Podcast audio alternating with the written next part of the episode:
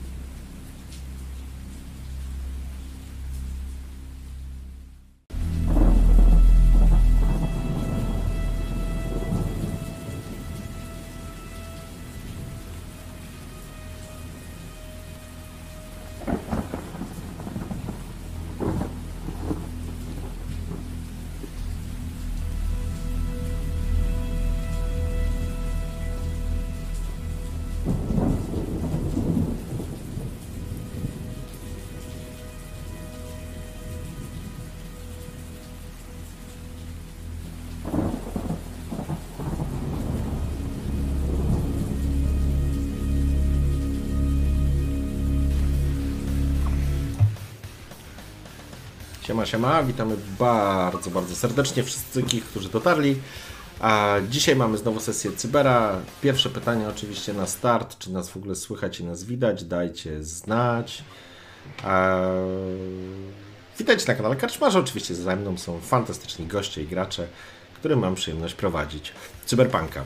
Jest Polus jako Jean-Philippe Gardner, jest Nika jako May Link. Obiecuję, że nauczę się w końcu e, wypowiadać to imię. I jest e, Tomek jako Carter, e, Carter Show. Okej, okay, powiedzcie coś parę. Tak, to ja może chwilę pokażę. Coś mi wpadło. Koronawirus. No, już mi lepiej. Dobra, to już na pewno wszyscy wiecie, czy mnie słychać, czy nie. Możemy przejść dalej. Żarty z koronawirusa. Tak. To, skoro były już żarty, to ja chciałabym w takim razie na testing powiedzieć, że bardzo serdecznie dziękuję wszystkim, którzy powodują, że ten kraj jeszcze nie upadł. Także y, cała służba zdrowia, logistyka, jesteście po prostu zajebiści i dzięki wielkie. Dokładnie tak. Przyłączamy się. Na zdrowie. Tak, na zdrowie wszystkim, dużo zdrowia i dużo szczęścia że, życzmy. E, I tak, zgodnie z zasadą cały czas siedzimy na dupach, siedzimy w domu. Naprawdę nie róbmy sobie z tego żartów, bo to już jest daleko poza punktem, kiedy można było sobie robić z tego żarty. Witamy wszystkich, którzy dotarli, i Guardian, i Bryza, i Argut, i Egon. Heja, heja i... No i co? I wracamy do sesji. A muzyka nie jest za głośno, dajcie jeszcze tylko znać, czy muzyka nie jest za głośno i... I jeżeli jest git, to wtedy zaczynamy już. Halo, halo, czaty, dajcie znać.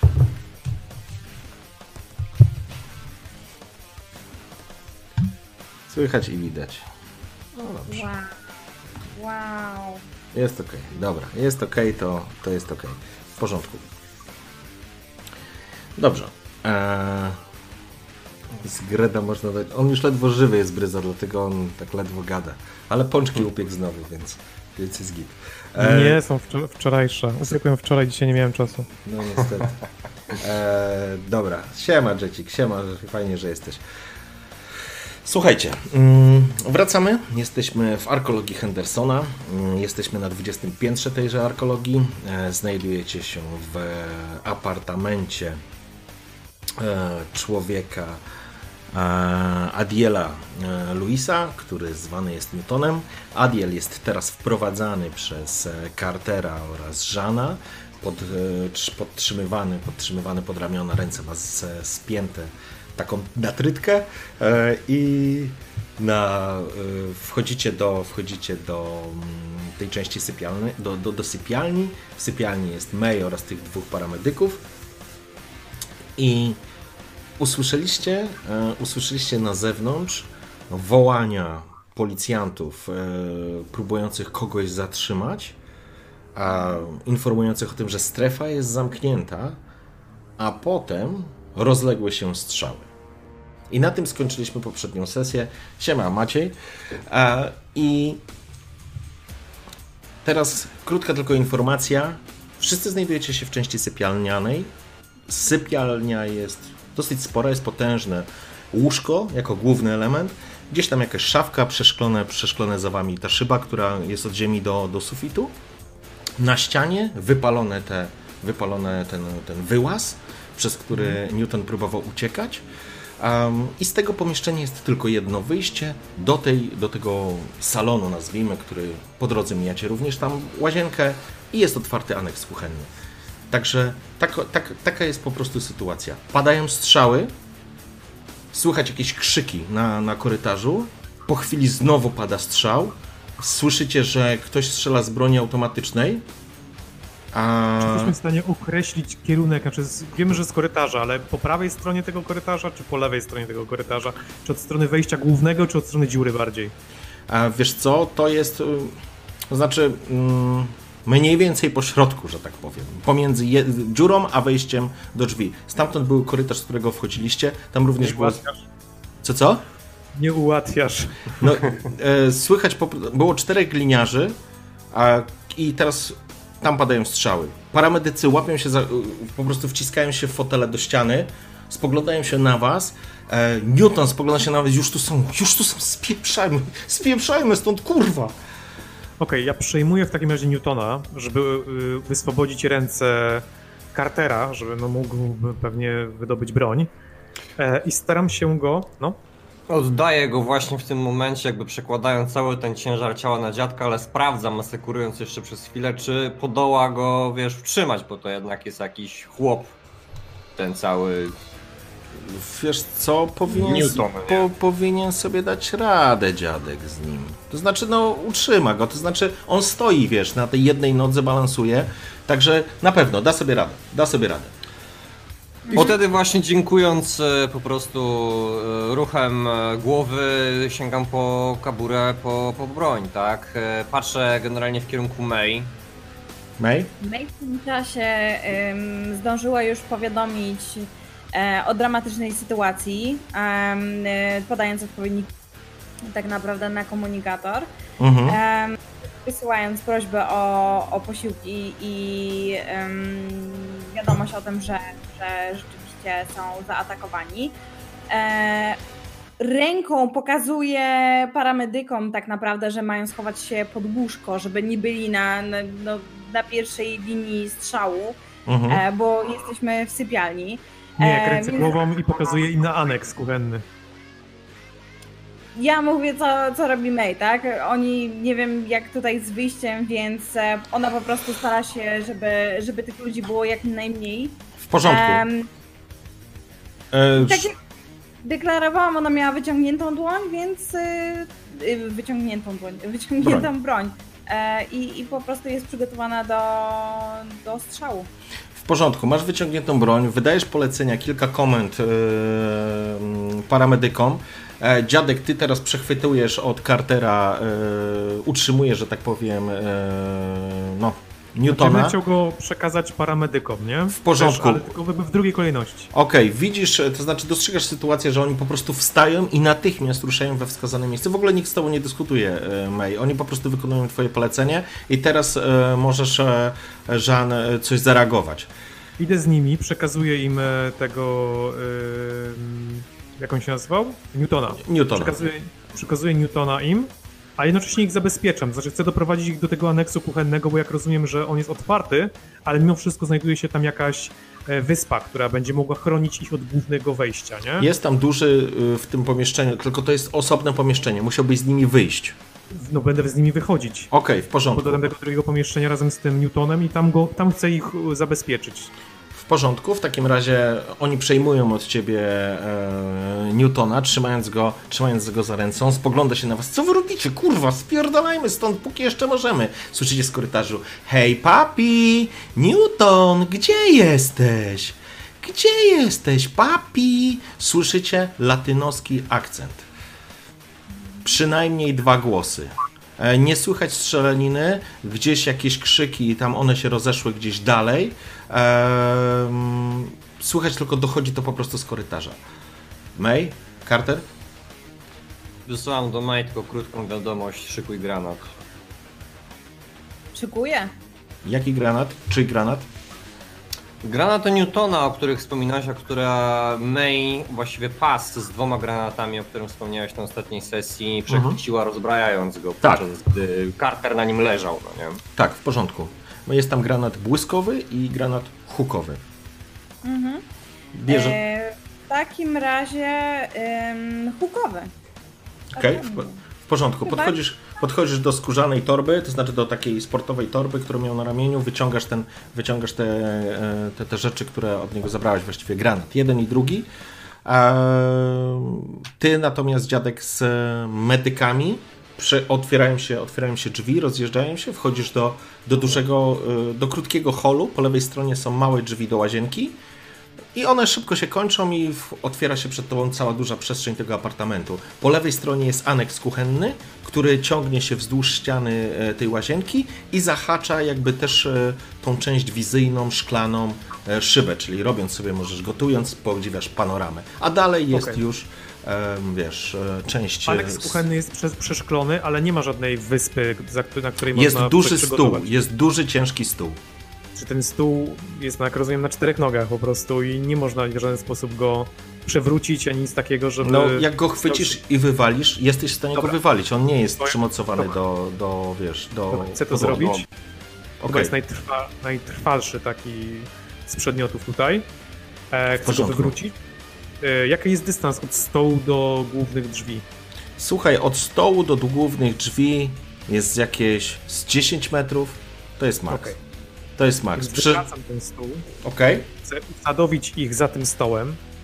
Mówię im szybko, żeby się zajęli Newtonem, na tyle ile jest to możliwe i kiedy padnie sygnał, mają mu ruszyć w stronę, pokazuję im drzwi, w stronę Mhm. tych drzwi i będziemy stąd się wydostawać przy waszej pomocy. W tym samym czasie próbuję podłączyć do pistoletu e, Smarta, no i kon- skontaktować się, jeżeli jest to możliwe, oczywiście cały czas to robię za stołem, e, kon- skontaktować się z, z naszym dowódcą, no, czyli z Carterem i czekam na jakieś polecenia. W porządku. Tylko jedna rzecz. Dobywasz broni. W momencie, kiedy dobywasz, otwierasz, uruchamiasz procesor. Natychmiast czujesz sprzężenie. Broń staje się przedłużeniem twojej e, ręki. Oni siadają za stołem. May, trzymasz granat. Siedzicie teraz tak. Jesteście w części sypialnianej. Oni wyszli. Jakoś się ustawiacie w tej sypialni? No właśnie, e, bo generalnie te dźwięki, o których mówiłeś, ten latynaski voice, który, głos, który nas e, dochodził, on szedł od naszej strony, prawda? Od tej strony Od korytarza. Od tej, od tej części korytarza. Pamiętajcie, że ten korytarz, on miał Tak. tam Okej, kilkanaście ale metrów. Mamy, mamy dwa, dwa wejścia, więc słyszeliśmy go jakby... Mm, hmm.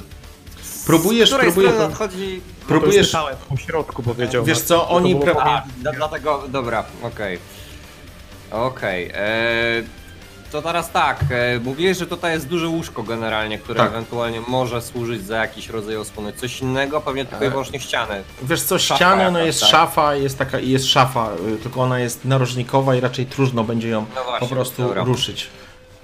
To tylko pokazuje wobec tego May, że no nie ma wyboru, musimy obstawić po prostu to, to wejście, tak, do, y, do tej sypialni, które zostało wypalone przez naszego nowego towarzysza. Ja zajmuję miejsce bezpośrednio przy ścianie, natomiast May wskazuje po drugiej stronie, czyli jakby jeżeli jest możliwość w ogóle znalezienia jakiejś osłony gdzieś za tym łóżkiem, mhm. naprzeciwko tych drzwi, żeby mieć linię strzału, tak? Okej, okay, no łóżko jest dosyć wysokie, więc jeżeli klękniesz na niej, położysz się, no to będziesz wystawał tak naprawdę, wiesz, e, rękoma to nie i głową. Mnie. To, to, to May opisujesz wobec tego. Okej, okay, w porządku. Bo ja jestem przy ścianie w tym Dobra, okej, okay. no to mm, May, to albo za łóżkiem, albo przy ścianie. To jest... Jeżeli chcesz oczywiście, Nika. Nie, jasne, dlaczego nie? W takim razie, jeżeli ona dostaje komendę, że ma się schować, znaczy schować, y, ukryć się w tamtym miejscu, by, by móc oddać strzał, ale być bezpieczną, to ona zajmuje tę pozycję. Informuje, rzucam. Mówi to w zasadzie do jednego i do drugiego. Po czym rzuca granat w kierunku głosów. To znaczy, wyrzucisz przez tą dziurę. On wpadnie na korytarz. Jeżeli ktoś się zbliża do dziury, zostanie ogłuszony tym granatem. Tak, a ona w tym czasie odskoczy na, na pozycję. W porządku. To znaczy możesz wyrzucić, ponieważ ty stoisz vis-a-vis tak naprawdę tej dziury. No. Za, za łóżkiem z wyciągniętą bronią, z granatem w ręku, przyklęk, przyklęknąłaś. To nie jest, to jest odległość kilku metrów, więc przerzucisz bez problemu i trafisz na pewno w, w, w, ten, w ten otwór. I granat się po prostu odbije i wpadnie i wybuchnie na, wybuchnie na korytarzu. W porządku, tak robisz. Mhm. Okej, okay. odbezpieczasz granat, z, z korytarza e, słyszycie jeszcze głosy, rozchodzą się. Newton, policja jest u ciebie? Ich puta! Idziemy po ciebie, mamy prezent. W tym momencie granat wylatuje, leci i wpada w tą dziurę, odbija się i słyszysz takie mkabron! I wybucha. W powietrzu unosi się potężna, potężna fala dźwiękowa roznosi się e, po tym korytarzu. Wy byliście na to przygotowani, więc jesteście nieogłuszeni, natomiast tam na zewnątrz wybuchło to. Wy to również słyszycie. E, twoi paramedycy po prostu przyklękni. Newton mówi, kurwa, kurwa, kurwa, kurwa, kurwa. Ty stoisz za tym stołem, co, co robicie? E, jesteś najbliżej wyjścia, ty możesz zdecydować się, Carter, wychylić, cokolwiek zrobić, wejść na korytarz, skontratakować, cokolwiek. Wychylam się, ale nie jak pieprzony turysta, tylko po prostu, wiesz, e, zaglądam, oceniam sytuację krótko i e, co się dzieje po drugiej stronie? W porządku. stoisz przy ścianie, wychylasz się, rzucasz, e, spoglądasz się, że tak powiem, na korytarz. Co dostrzegasz? Pierwsze, co widzisz, widzisz e, mniej więcej na środku tego korytarza gościa, który trzyma się za głowę, ma w rękach widać pistolet, trzyma się za głowę i, i trochę taki otumaniony, zakręcony, wiesz, obraca się dookoła spanikowany. Na pewno nie spodziewał się e, wybuchu tego, wybuchu właściwie granatu. E, widzisz ciała leżące, przynajmniej w tym momencie dwa ciała leżące gliniarzy, kogoś jeszcze dalej przy drzwiach e, zbliżającego się do drzwi wejściowych tych głównych, czyli od strony salonu. Tam, tej, od tej strony dziadka, tamten człowiek nie został ogłuszony na pewno w takim stopniu To jest jak... za daleko, tak. jasne. Mówisz, tam odległość 15-20 mhm. metrów, tyle co Carter biegł wtedy, żeby tak. pochwycić typa. E, wysyłam tylko wobec tego e, wiadomość na ten nasz, e, nie wiem, jakiś tutaj ten czat ogólny, tak, że... Macie kanał na pewno komunikacyjny. Hmm. Dziadek Lis wchodzi do kurnika, natomiast bezpośrednio do, do May, że typ został ogłuszony. Mhm. I w tym momencie on miał jakąś broń, prawda? W ręku. Tak, miał pistolet. Dobra, okej. Okay. I... E, hu, hu, hu, hu, hu. Słyszysz jakiś... E, ja zostaję, w, ja zostaję w tym miejscu, w którym jestem. Przytulam się po prostu do ściany mhm. i e, w tym momencie e, czekam. Czekam, jeżeli się pokaże w drzwiach, po prostu. W porządku. W drzwiach, w tym przejściu. Słychać jakieś przekleństwa po, po, po hiszpańsku. E, May, ty dostrzegasz tę sytuację. Mm, dostaliście wszyscy informacje od Cartera. E, ty, dziadek, siedzisz przy tym stole. Medycy w ciebie się wpatrzeni jak w ostatnią linię obrony, natomiast ja to cały czas tylko kurwa, kurwa, kurwa, spierdalaj stąd, kurwa, mam kupę hajsu, stary, zabierz mi stąd, kurwa, co chcesz, tylko teraz mi stąd zabierz, zabierz mi to. Zamknij się. Odzywam się do niego i w tym momencie przełączam celownik mhm. z moich smart gogli do pistoletu, uruchamiam termograf, wyciągam broń za stół mhm. i prostu w drzwi, w które jak domyślam się ktoś będzie przechodził. Czyli nie wychylam się z za stołu, Jasne. tylko będę walił po prostu przez, przez stół. Jakby widzę to z poziomu pistoletu, nie? Dobra, w porządku. Po chwili przełączasz, termograf się e, włącza, zaczyna się pojawiać, e, pojawiać zarysy po prostu e, obiektów, czyli ludzi e, za ścianą. Nie będę czekać. Jeżeli jest za ścianą i go widzę, Mhm. znaczy złapało go na tej zasadzie, Mhm. to będę walił przez ścianę. Nie muszę trafić. Ważne, że on wiedział, że tam jest broń. Dobra, w porządku. Okej, otwierasz ogień. Rzuć, rzuć sobie e, kością, proszę. Twój refleks, twoje y, i twój pistolet? Mm, refleks 5, pistolet 2. Nie, No, pistolet to już- 3, przepraszam. Porządna przecież Nie, przeszkolenie. pistolet, pistolet 2. Przepraszam. Pistolet 2 i 5 to masz 7. A strzelasz. Celo, przepraszam, celownik jeszcze do tego, zapomniałem dodać Tak, technologię. plus plus Smart plus 2. Smart plus 2. Celownik plus 1. Więc już mam plus 3. Tak, tak, patrz, patrz, już jest 10. Zaraz zobaczymy. Do operowania inteligentną broń. Aha, za inteligentną broń będziesz miał. Tak, i za celownik masz plus jeden. Tak, to się zgadza. Wszystko się zgadza. Czyli masz dychę. plus 3, masz dychę. 15. Okej, e, nie ładuję szczęścia, po prostu będę e, starał się go e, trafić. Mhm. Przepraszam, już, już sekundę. To ten celownik. Dziadek, znowu ci się ten taj, tajski relaks włączył. No, chyba tak. A teraz odetchnij głęboko. Słychać przekleństwa, słychać przekleństwa e, z korytarza, po czym słychać strzały z pomieszczenia, z pomieszczenia obok. Ktoś oddaje strzały. Strzelasz, dziadek. Rzuć sobie. Aha, ty podpiąłeś się już pod ten dice No, roller? pod, podpiąłem się, ale jakoś nie chce mi tutaj. Znowu? razem nie, no. Teraz powinno być może. O, o Dwa. cholera. Dwa. Dobrze. Słyszycie z, z pomieszczenia obok oddane strzały. Pocisk. Huk jeden, huk drugi. Pociski lecą w kierunku, w kierunku ściany. Przebijają tą ścianę. A dostrzegasz ruch za, za, za, za tą ścianą. Człowiek, który był e, tam, nie został trafiony. Rzucił się do ściany przeciwległej. Słyszysz, puta! Mam dla ciebie niespodziankę, glino! Słyszycie przeładowaną broń.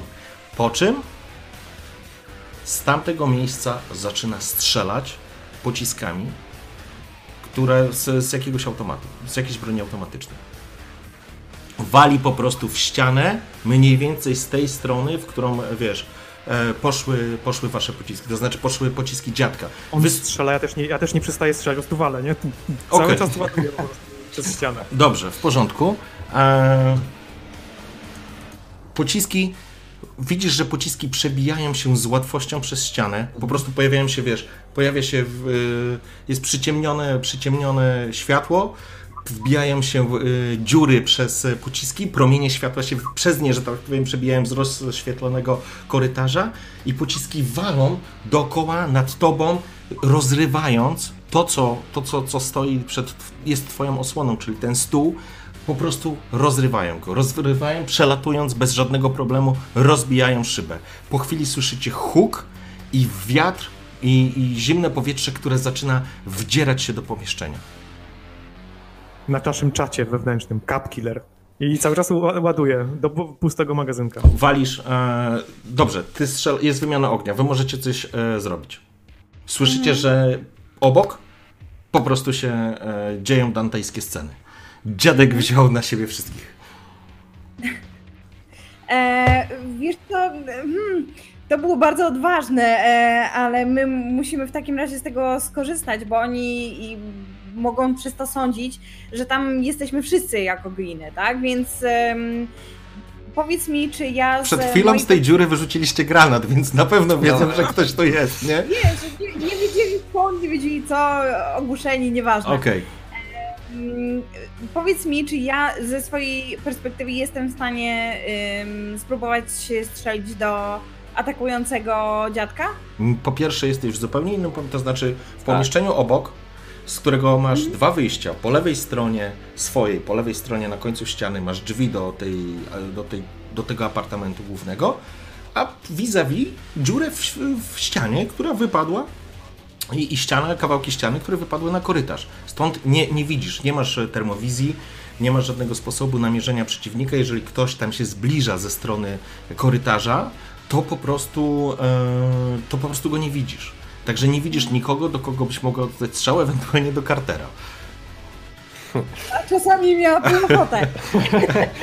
Jeśli mogę wobec tego, to, e, to może ja bym spróbował ze swoim dopalaczem zapachowym. Może tym razem wyczuję a zbliżającego czy podkradającego się przeciwnika, tak? Okej, w porządku. Odpalasz, e, odpalasz myślą e, dopalacz e, zapachowy, natychmiast filtry twoje nosowe przechodzą na zupełnie inny jakby poziom odbierania, odbierania zapachów i czujesz niezwykle blisko intensywny zapach krwi. Zapach krwi, moczu i potu. I w momencie, w którym wyczuwam to, zaczynam po prostu e, odliczanie do momentu, w którym e, po prostu ten zapach się zintensyfikuje do tego momentu, że W porządku. Zaczynasz odliczać. Carter pokazuje ci po prostu otwartą dłoń. 5, 4, 3, 2, 2, 1. I faktycznie w momencie, kiedy on pokazuje 0, tą dziurę wypełnia kształt. Wycie, wypełnia kształt, postać, a, która jest zwrócona do was twarzą. Strzelam. E, w porządku. Bez zastanowienia. May, May wyciąg... To znaczy jesteś przygotowana do strzału, nie będziemy rzucać, ta odległość jest niewielka, e, masz 8 i 8, 16, strzelasz raz, drugi, trzeci. Pociski obok ciebie, Carter, przelatują, wbijając się w ciało, nie słyszysz żadnego jęku, a teraz ty dopiero dostrzegasz, May, że za nim, za, za ciałem, teraz widzisz policjanta, stoi koleś i wyciąga broń obok, zasłaniając się i mierzy do ciebie. Teraz przynajmniej. w porządku. On, on będzie po prostu strzelał teraz e, do ciebie. Carter, nie dostrzegasz, e, nie dostrzegasz broni wystającej za ten. E, widzisz po prostu to. Dostrzegasz Jasne. to. Okej. Dobrze. Mm. Okej, gdzie my mamy K10?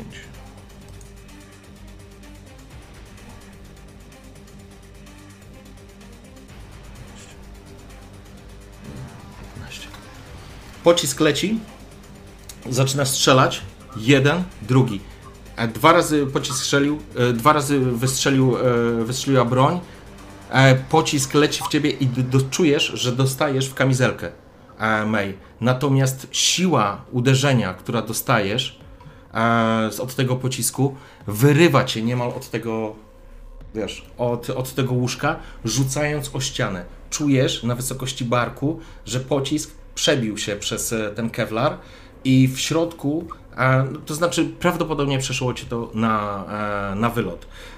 Słyszysz krzyk Carter, May pada, e, pada odbita o ścianę, to właściwie em, nie o ścianę, tylko o, o tą szybę się e, opiera. Łapiesz się natychmiast za ranę, kładąc się, starając się ukryć za, e, za łóżkiem. Mężczyzna robi krok do przodu, Carter widzisz broń, która wrzuca najpierw ciało, stoisz, ty po prostu stoisz przy ścianie, ciało wpada i po chwili mężczyzna przygotowuje się do wejścia. Teraz dziadek, e, u ciebie sytuacja, wymieniłeś się, wymieniłeś się strzałami trochę, trochę na ślepo, ale chciałbym, żebyś rzucił sobie jeszcze kością. Na 15 plus 2, 17. Rzucasz szczęście, Nie. ok? Jeden. Jeden.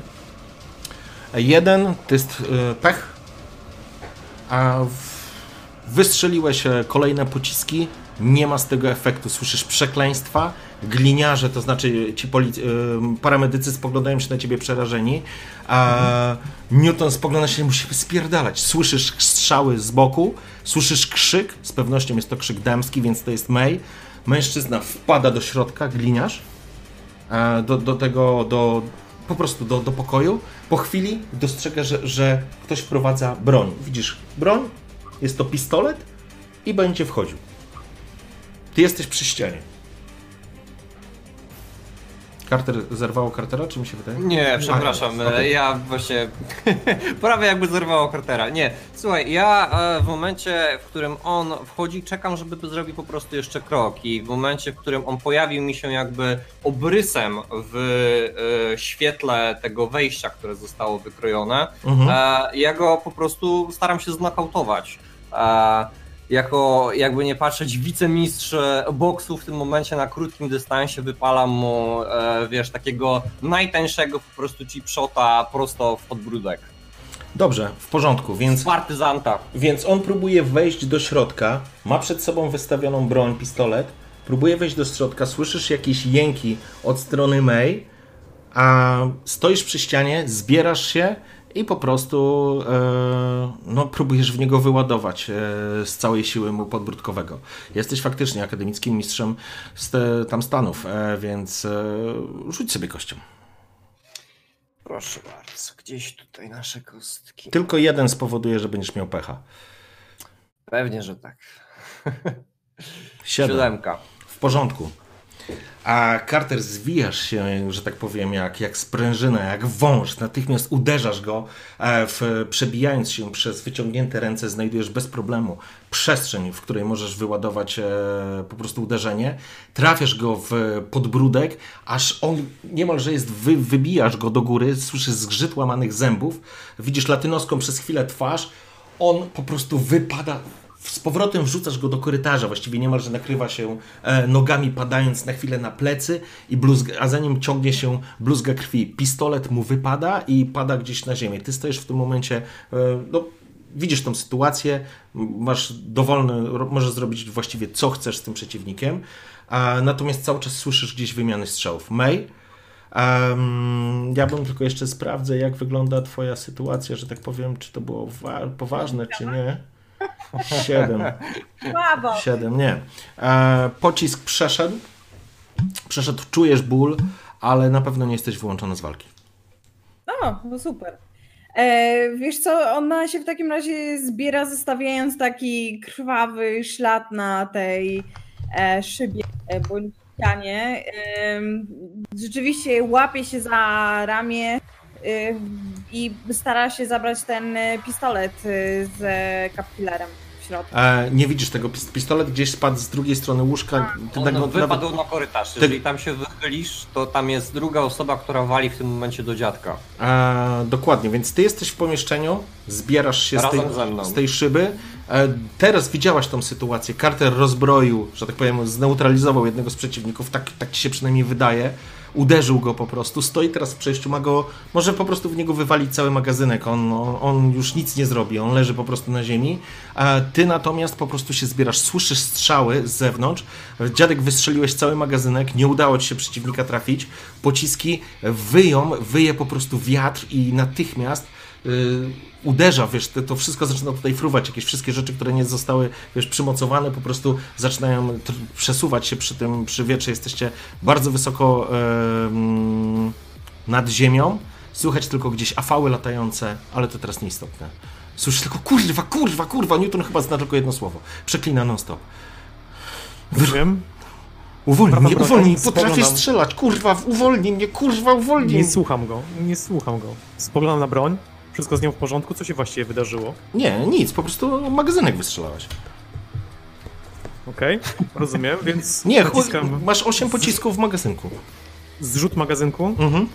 Spoglądam w tym samym czasie, jak zrzucam magazynek na lekarza obok mnie. Spoglądam najbliższego. Widzę plakietkę z jego imieniem. Tak. George. George. Macie epinefrynę? Oczywiście. Wyciągam drugą rękę w Mhm. jego stronę. No i jeżeli widzę, że zaczyna grzebać, to ja w tym czasie przyładowuję broń. Zaczyna, zaczyna, oczywiście, no zaczyna w torbie swojej szukać e, epi. Wysyłam informację Carter ze znakiem zapytania. Carter, stoisz teraz w drzwiach. Mężczyzna leży na ziemi. E, jest e, W momencie, w ogłuszony. którym jest ta dokładnie huraganowa wymiana nadal, bo oni, jakby nie patrzeć, przeciwnik cały czas strzela, tak, to ja nie wychylając się e, jakby na zewnątrz, żeby nie zdradzić swojej pozycji, przymierzam po prostu do tamtego typa, celując w głowę i strzelam do niego. W porządku. Mężczyzna leży, pociągasz za spust. Pocisk rozpryskuje jego mózg na, na Okej. ziemi, plama krwi W tym momencie po prostu pokazuję do May, e, żeby zajęła moją pozycję, sam przeskakuję na drugą stronę tej Hijo de tak? puta! Jorge, Jorge! Słyszysz e, jakieś wrzaski. Przeskakujesz do May. May się zbiera. Dziadek, wymieniłeś amunicję. Facet wyciąga epi, nie? Mała, mała taka tubka oznaczona z igłą. Podaje ci. Biorę ją i na razie kładę, czekam. Spoglądam przez termo. Działa termo wciąż? Tak. Widzę, że ktoś się zbliża w stronę drzwi. E, nie, widzisz, że facet, który był po przeciwnej stronie, musiał odejść od tych drzwi, uciec w, w głąb e, bardziej kole- korytarza. Zresztą słyszysz, jak klnie i jak e, woła Jorge, kimkolwiek jest Jorge. Okej. Chcę w takim razie zobaczyć z, z perspektywy broni, nie? Czyli cały Mhm. czas połączone z, z goglami. No bo on zrobił tam drugie drzwi, jak rozumiem, rozwalając. znaczy walił po prostu, wiesz, te pociski przebijały się bez problemu przez te, ten, to są po prostu, wiesz, dziury, Tam jest nie? jedna wielka dziura. Tam jest jedna Nie, wielka nie, dziura. to nie jest jedna wielka dziura. On po Nie? prostu przeszył serią po, po, Okej. po ścianie, nie? Nie wyrwał dodatkowej dziury, nie? Drzwi są otwarte. Mhm. To znaczy nie ma drzwi, bo drzwi wypadły... Nie, mie, mierzę z pistoletem w tamtą stronę, czekam na rozkaz. Cartera. Dobra, w porządku. Carter, jesteśmy przy tobie, słyszysz e, May. E, dwie minuty, wytrzymajcie dwie minuty. Nie w momencie... w- No właśnie, okej, to przepraszam. Nie, nie, już, już. May to mówi y, jakby... May automatycznie, myślę, również podajesz, że zostały, e, że oficer został postrzelony, że, że, że Tak. jakby no, w wyniku strzeliny, także to zawsze podbija mm, jakby sytuację. Cokolwiek by nie mówić w przypadku policji, no swoich się Wiele broni. ofiar. Co, I co? cup killer. Mówię, że wiele ofiar i cup killer. Okej, w porządku? Słyszysz dwie minuty, utrzymajcie pozycję, dwie minuty. Ja natomiast odsyłam do dziadka teraz. Podnoszę się w takim razie. Proszę poruszać się za mną. Odzywam się w stronę, e, w stronę tych lekarzy. Mhm. No i przypuszczam, że oni trzymają też Newtona, tak? Tak, no podnoszą Nie go. Nich, on, nie zwracam na nich uwagi. Jako Mhm. pierwszy wychylam się za tego stołu. No i będę chciał się kierować w stronę drzwi. Oczywiście z bronią przed sobą. Okej, w porządku. Trzymasz broń, po chwili słyszysz dźwięk odbijanego jakiegoś e, przedmiotu, który odbija się od ściany i wpada do środka. Jest to z pewnością granat, tylko nie wiesz jaki. No to w takim razie chcę, wiesz, no obrócić się w stronę ich i najważniejsze, żeby cywile się schowali, czyli zaczynam wrzeszczeć do nich, żeby wracali za stół, za stół, za stół i sam też rzucam się w stronę tego stołu. W porządku. E, May podajesz e, kodami, rzucasz po prostu jak automat. Carter, obracasz się, spoglądasz się do May, wysłałeś polecenie teraz, e, słyszałeś, że jest jakiś ruch, po czym słyszysz za stół, za stół, za stół, coś wpada. Po chwili eksplozja. Rzuca wami. E, chyba jestem za głośno. Sorry. rzuca, rzuca, e, rzuca tobą dziadek tak naprawdę, wbijając się w szybę, na szczęście w tą część, która nie została wybita. E, wpadasz, po prostu uderzasz, czujesz zderzenie, szyba nie, nie, nie pęka, za tobą huk, wypełnia się po, e, pomieszczenie natychmiast jakimś pyłem, em, wszystkim, co tam po prostu się trafiło z tym ładunkiem wybuchowym. Kątem oka tylko dostrzegasz, że leżą po prostu na ziemi. Paramedycy trzymając leżą jeden na drugim tak naprawdę i przykrywają Newtona. A w powietrzu natychmiast, w pomieszczeniu natychmiast pojawia się, a, pojawia się ogień. Zaczyna, zaczyna po prostu płonąć. Wy po prostu padliście na ziemię, a, ale bez problemu zdajecie sobie sprawę, co się, co się dzieje. Automatycznie przełączasz tylko termo, termograf, bo, bo po prostu oszalał w tym momencie. Full. Wyłączam. Mhm. No jeżeli jest możliwość, to pewnie leży na ziemi, tak? Opadł, Zsuwam się wpadłeś na ścianie, zsuwasz się, zsuwasz się po szybie, czujesz, że po prostu no, cisnęło tobą jak szmacianą lalką. Nie masz chyba Biomonitor. większych obrażeń. Okej, w porządku, spoglądasz, e, natychmiast pojawia się szereg, e, szereg informacji, poza podstawowymi informacjami typu tętno i tak dalej, e, nie masz żadnych, nie wykrywa ci żadnego jakiegoś wewnętrznego, e, wewnętrznego uszkodzenia. Jesteś najprawdopodobniej tylko poobijany. Turlam się w stronę z jakiejś zasłony najbliższej. W porządku, do tego, do tego stołu, przy którym jest reszta. Co wy robicie? Ja wychylam się, żeby ocenić, e, ocenić odległość pomiędzy strzelcem, tak, a, a nami, a na dziurą. Może tak. E, w porządku, podnosisz się, podchodzisz, dostrzegasz, wychylasz się tylko, no po prostu kawałek, żeby po prostu cokolwiek widzieć. Na drugim końcu tego korytarza, przy tamtych drzwiach, z dużego kąta stoi mężczyzna, trzyma w rękach jakiś karabinek e, czy pistolet maszynowy, e, mierzy w kierunku, e, w kierunku, wiesz, wejścia i rusza. Jest również latynosem, coś wrzeszczy, wzywając jakiegoś Jorge, kimkolwiek jest, dostrzegasz tylko kątem oka, że drzwi, z którego za tobą są, te, te, z wyjścia z korytarza, przez który wrzucaliście ten granat holograficzny, e, biegnie z tamtej strony ktoś. Dostrzegasz, rzucasz okiem, biegnie kolejny latynos, ma w rękach jakiś karabin, po prostu biegnie. Jeszcze jest za szybą. Okej, za szybą biegnie w naszym kierunku. Tak, tak jakby ma... Jeżeli dobrze rozumiem, tamten wchodzi w tym momencie przez drzwi wejściowe, które wyleciały, Idzie prawda? w tą stronę, tak, idzie, chce wejść przez drzwi wejściowe po wybuchu granatu. Prawdopodobnie dokończyć e, egzekucję. Ja wysyłam do May wobec tego wiadomość, że i właściwie wskazuję jej, żeby udzieliła wsparcia dziadkowi w e, sąsiednim pomieszczeniu, tak? A sam e, monitoruję sytuację w tym momencie z tej pozycji. W porządku, jesteś w bezpiecznej w miarę pozycji względem człowieka, który będzie wbiegał do pomieszczenia. Mej się zrywasz, czujesz ból rwący prawym ramieniu, ale idziesz, bo wiesz, że sytuacja jest niezwykle ważna. Zaciskasz zęby i po prostu zbliżasz się do drzwi. Dziadek, ty po prostu zipiesz, oddychasz ciężko, łapiąc powietrze. W powietrzu unosi się cała masa dymu i zaczyna te, tego być. Dymu włącza się alarm przeciwpożarowy, włączają się zras, zraszacze. Słyszysz tylko ich de puta, teraz wasz koniec. Wchodzi ktoś do, do pomieszczenia. Ręce ci, się, ręce ci trzęsą się, ale trzymasz pistolet, wiesz, że albo ty, albo on, bo to będzie koniec. To będzie koniec. Ty podbiegasz do drzwi, drzwi są automatycznie. Jeżeli wyłapie cię fotokomórka May, one się natychmiast otworzą. Być może wyłapie cię po prostu na, na pełen strzał. I gotuje się dosłownie na to, żeby oddać strzał do atakującego. W porządku. Otwierasz, e, podchodzisz, fotokomórka łapie cię, uchyla. Carter, dostrzegasz faceta wbiegającego z karabinem, wbiegającego do korytarza. Nie widzicie, bo ty stoisz przy ścianie i po prostu z kąta go widzisz. Możesz próbować go zdjąć, bo jeżeli on tu wejdzie z karabinem, to będzie naprawdę duży problem. E, dziadek, ty po prostu siedzisz nad nimi i. E, co, co, co możesz, co chciałbyś zrobić? Czy coś się robi? Powiem tak, czy widzę, że ja nie wiem, że zbliża się May. Nie, nie wiem, nie, Nie wiesz, tej informacji. nie. Chyba informacja tylko dla May. To znaczy pytanie, Carter. Znaczy, to jest ogólny generalnie, Aha, jak no to mówię, widzisz. Okej, to widzisz. Rozumiem, on już będzie miał przestrzał, będzie widział May w momencie, kiedy otworzą się drzwi. E, jeżeli ten ktoś wchodzi do środka i To stanie po prostu widział. przy drzwiach, to będzie widział na wyciągnięcie, wiesz, po lewej stronie po Dobra. prostu, nie? To w momencie, kiedy otworzą się drzwi, znaczy nim otworzą się drzwi, bo wiem, że z May się ja zaraz mi pojawi, wbijam sobie w kolano, w kolano, w, w mięsień epinefrynę, Mhm. Jak na ciebie zadziała? sztuczna, no sztuczna adrenalina Mhm. to jest, jak na każdego innego człowieka. Okej.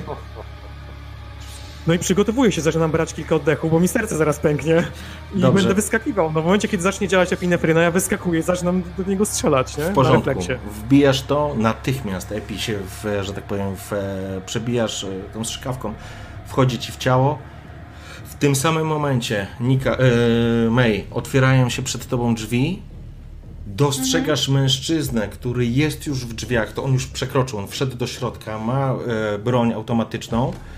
Upadam na jedno kolano, żeby nie być od razu na wysokości jego e, wzroku i tak naprawdę w ten sposób będę e, próbowała oddawać do niego. Dobrze, kochani, to chciałbym teraz, żebyście inicjatywę jeszcze rzucili. Kto pierwszy w tym temacie e, przejdzie? E, tylko May i dziadek. No i oczywiście pan Bad Guy. E, czyli rzucamy refleks plus K10. Możecie użyć szczęście. Czekaj, refleks, 8. Hmm. Wiesz co, to ja zużyję jeden. Oszczędnie mówisz. To jest, wiesz, może być różnie. Refleks 5 plus epinefryna. Dobrze. Potraktujemy to jako doładowanie, okej. No dobra, niech będzie dwa, ale więcej nie dam. Kurde, najwyżej umrę. Tu. Em, Dobrze. dobra, nic. i znaka dziesiąteczką. Tak. Czyli masz 10 z rzutu, e, z, ze statystyk plus rzut. 7, 17, ok. Dziadek? No to było moje właśnie. Tak, Aha, to dziadek, właśnie, sorry. tak, to Żan. Czyli tak, Żan ma 7, o też masz 7, dobrze, czyli, czyli Nika ma doskonale. 17, Żan masz 7 plus ile miałeś refleksu? 5, tak? 5. E, dodamy ci za Epi plus 2 masz e, 7, 14 i Złol.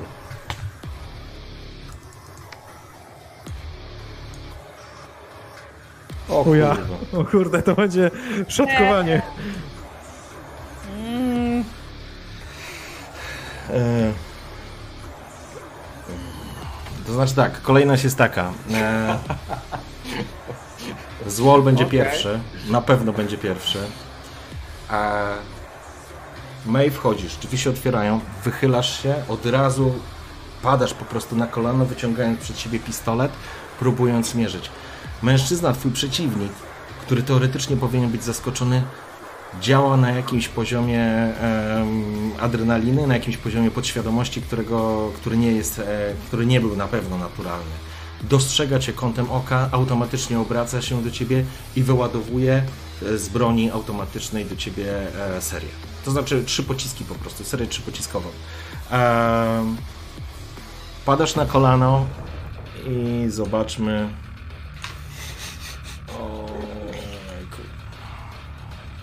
O ja. To będzie boleć. Mamy dermospray, spokojnie. Na otwartym mózgu testowane. plasterek? 15, 9, 8. Dobrze. Mm. Dziadek. Dostrzegasz taką sytuację. Eee, wychyliłeś się, widzisz, mężczyzna się w tym momencie obraca, strzela do May serią trzypociskową. Trzy pociski mkną w kierunku May i widzisz, że trafiają ją bezpośrednio na wysokość torsu. Ona klęczała i po prostu wrzucają ją z powrotem do tego pomieszczenia. Rozkładasz się w tym momencie May na ziemi, e, wyjąc z bólu. Ty go widzisz, to jest twoja jedyna szansa, żeby teraz e, zareagować, Jean, bo on nie widzi ciebie. Jest na wyciągnięcie May nie ręki. strzeliła. May nie oddała Nie, strzału. nie oddała strzału. No to ładuję. Rzuć kością. Czy używasz szczęścia? Nie. Okej. 14. 17. Dobrze, w porządku. Oddajesz pocisk, strzelasz raz, drugi, walisz przeciwnika. Mężczyzna dostaje w bok, rzuca go na ścianę. Spogląda się, rzuca, spogląda jakby szukając źródła strzału, poprawiasz jeszcze raz. Pocisk trafia go na wysokość torsu. Słyszysz, że klnie i coś wrzeszczy. Carter. A... Carter w tym momencie, jeżeli może, to stara się odpalić Sandevistan. Okej. I jak zawodnik futbolowy, a po prostu czekający, można powiedzieć, na Mhm. sygnał dany przez trenera, startuje w takim niskim biegu, starając się wypaść na tego mężczyznę e, zagrażającego flance. W porządku. Mężczyzna w bieg, prawdopodobnie to jest ten tytułowy Jorge. Biegnie, nie zwraca tak naprawdę uwagi, jakby biegnąc w ślad za osobą, za swoim towarzyszem, który przed chwilą wszedł do pomieszczenia. To nie problem, żebyś wypadł po prostu z tej dziury i po prostu go z boku staranował tak, żeby go po prostu przerzucić. Ty oczywiście dostrzegasz całą sytuację. May wpada do środku wrzeszcząc, a leży po prostu na ziemi, natomiast ty wybiegasz i taranujesz tego mężczyznę, uderzasz go w bok. Wy... Jest na pełnym speedzie, wybijasz go z prędkości, traci równowagę, uderza o, poprzednie, wiesz, o, o ścianę naprzeciwko, e, uderzając po prostu, e, no po prostu o ścianę, wytraca, wiesz, próbuje złapać równowagę. Możesz podbiec i wykorzystać go po prostu zacząć Znaczy, strzelać. ja bezpośrednio jak uderzyłem w niego, tak, Mhm. i wytrąciłem go, ja chcę z, jakby być w bezpośrednim kontakcie w nim, tak. On ma długą broń, w związku z czym za bardzo nie jest, jak rozumiem, w stanie celować z niej w tym momencie skutecznie. Nie, teraz w Ale ogóle nie nie staram w się, nie staram się jej jakby z, e, rozbroić go z niej, tylko w tym momencie na krótkim kontakcie e, po prostu o, dwa haki, jeden prosty i zobaczymy co się wydarzy, tak. Dobrze, w porządku. Doskakujesz do niego, wyprowadzasz dwa szybkie uderzenia i kończysz e, serię trzeciego uderzenia po prostu sierp, sierpowym. Jego głowa odskakuje w jedną, w drugą stronę, bluzga krwią, jest oszołomiony, ale próbuje się zasłaniać dalej karabinem. Nie wrzuciłeś go jeszcze z, z całości, próbujecie uderzyć e, kolbą karabinu e, w głowę. Możesz próbować to unikać albo próbować to blokować. Jaka jest różnica, Marcin, właściwie? E, wiesz co? E, zdecydowanie lepiej w Twoim wypadku, żebyś używał umiejętności box i po prostu, Mhm. i po prostu starał się robić unik e, korzystając z boxu. To zdecydowanie tak, bo yy, więc faktycznie praca nóg w tym momencie się u Cartera rozpoczyna, tak? To nadal jest krótki dystans, Tak. e, faktycznie ma problem, żeby zamachnąć się jak maczugą po prostu tym karabinem. On trzyma go w dwurącz i próbuje cię po prostu tak mhm. E, więc krok w tył, staram się uniknąć tego uderzenia. Jak rozumiem, mam rzucać tutaj coś. Poczekaj, więc rzucimy najpierw za przeciwnika 7, a Mhm. rzuć, rzuć za unik. Dobrze. Twój refleks plus e, sztuka walki 2. No, akurat słabo. E, Ale ile masz refleksu? refleks? Refleks będzie 6, a sztuka walki 8, to jest 14. Plus 2. Ok, w porządku. Kolba mkn- mignęła ci po prostu przed oczami. Mężczyzna zamachnął się, zostawiając, że tak powiem, wolną przestrzeń do uderzenia albo na wysokość nerek, albo w żebra, albo, albo no powiedzmy stoi twoją, tak, prawą stroną wątrobę. Wy, myślę, że długo się nie zastanawiasz, po prostu wypra- wy uderzasz, wyprowadzasz kolejną, e, kolejną serię. Dziadek, Zdecydowanie tak. dziadek i May. Dziadek, e, mężczyzna, widzisz, że obraca się, zostawiając na ścianie krwawy ślad i próbuje się po prostu już dalej, nie chce walczyć, próbuje uciekać w kierunku, w kierunku wyjścia. Trafiłeś go dwukrotnie. Z, wychodzę za tego, jednocześnie cały czas celując w niego, cały czas strzelając. Cały czas wychodzę za stołu, Rozumiem. chcę po prostu dowalić. Rozumiem. Go po nogach, po klatce, znaczy po plecach. Wszędzie, gdzie się da, nie? Już nie patrzę na to, żeby go tam obezwładnić czy unieruchomić, po prostu chcę go dobić. W porządku. Dziadek wychodzisz, trzymasz, trzymasz broń, a on się po prostu ciągnie po ścianie, strzał jeden, drugi, słyszysz wrzask, uderza, rozrywa mu udo, rozrywa mu łydkę, trafiasz go w kolano, łamie się to wszystko, facet pada na ziemię, wrzeszczy, spogląda się na ciebie, próbuje serią wyciągnąć e, takim, wiesz, ostatnim e, ruchem koszącym, po prostu wali, ale jest w takiej pozycji, że po prostu rozbija całkowicie szybę i wali po suficie. Twój ostatni strzał trafia go w głowę, rozrywając mu po prostu e, skroń z bluzgą krwi pada. Słyszycie wycie, e, wycie syren policyjnych. Nad waszej wysokości zaczyna e, wibrować AV, otwierają się drzwi, stoi dwóch gliniarzy z karabinami. Wszystko zalewa czerwono-niebieskie światło. E, słychać gdzieś jeszcze jakieś ko, komunikaty policja, stać, poddać się i tak dalej. May, do ciebie to dochodzi jak za takiej sz- dalekiej... Wydaję polecenie do George'a, pokazując mu ręką, e, gdzie znajduje się May i mówię, zajmij się ją natychmiast. I wyciągam magazynek do torby zrzutowej, podłączam kolejny, no i kieruję się w stronę drzwi. w porządku, on rusza, gliniarze zaczynają, zaczynają po prostu, są już na miejscu, Wy, wyprowadzasz Carter kolejne trzy uderzenia, mężczyzna z trudem łapie powietrze, ale widzisz, obraca się, zaciska pięść, a, spośród, a z jego pięści, z wysoko, z, z nie z nadgarstku, tylko mniej więcej z między kości, pojawia się sztylet, to znaczy nóż, ostrze. A Jasne. ewidentnie jest to cybernetyczne jakieś wzmocnienie, a syntetyczna skóra po prostu pęka. Zamachuje się na ciebie, próbuje cię trafić. Z tej odległości jest widać krew, słyszysz już gdzieś e, wywoływania policyjne, że stać, jesteście otoczeni, rzućcie broń, policja. Słyszysz już kroki biegnące. Widzisz, e, mężczyzna wyprowadza cios w twoim kierunku. Bez problemu. E, tańczysz, tańczysz wokół niego tak naprawdę niemalże jak na ringu bokserskim. Unikasz e, ciosu, który jest nieporadny, leci wokół gdzieś tam obok ciebie. Wyprowadzasz kolejną serię, kiedy wpada, wpadają do korytarza gliniarze ubrani. Widzisz, że to są już czarnuchy, w sensie SWAT. Wpada w kominiarkach, e, mają oczywiście kaski, cybernetyczne wyświetlacze. E, kilkanaście punktów, natychmiast się, natychmiast was namierza. Policja stać! Rzućcie skurwysyny broń! Natychmiast! Nie zastanawiam się, padam na ziemię po prostu i staram się przetoczyć e, po prostu po ziemi. Mężczyzna spogląda się na nich, trzyma z jego, z jego nadgarstka, w, jest ten, ten szpikulec, pojawia się, e, jest oszołomiony, ty padasz na ziemię, a on sięga do kieszeni na wysokość pasa. A ty podchodzisz do drzwi, widzisz medyka George'a, który biegnie do May. Po chwili kakofonia dźwięku z korytarza. Automatyczna broń rozrywa Jorge. Po prostu kilkanaście pocisków w jednym momencie masakruje go i on nie jak na hollywoodzkim e, filmie odlatuje w krzyku. Po prostu przyjmuje na siebie ileś pocisków i rozerwany pada plackiem na ziemię. Na co rozerwana na ziemi. Do ciebie podbiega Jorge. Ona, ona kaszle, George. E, przepraszam, George, wybacz. Tak. Ona kaszle krwią.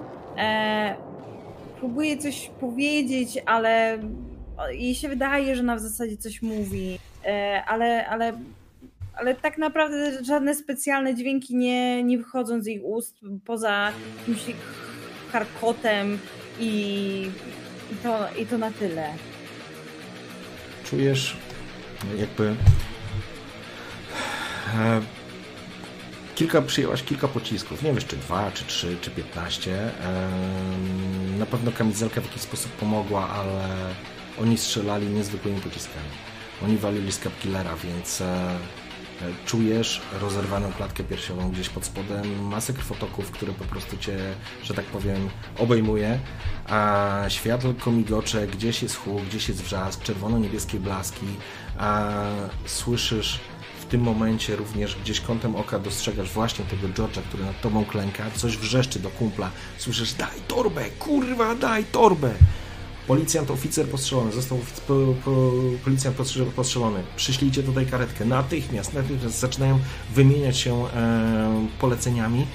Do pomieszczenia, do ciebie dobiegają Carter, e, ludzie ze SWAT-u. Natychmiast ktoś, wiesz, przykuł...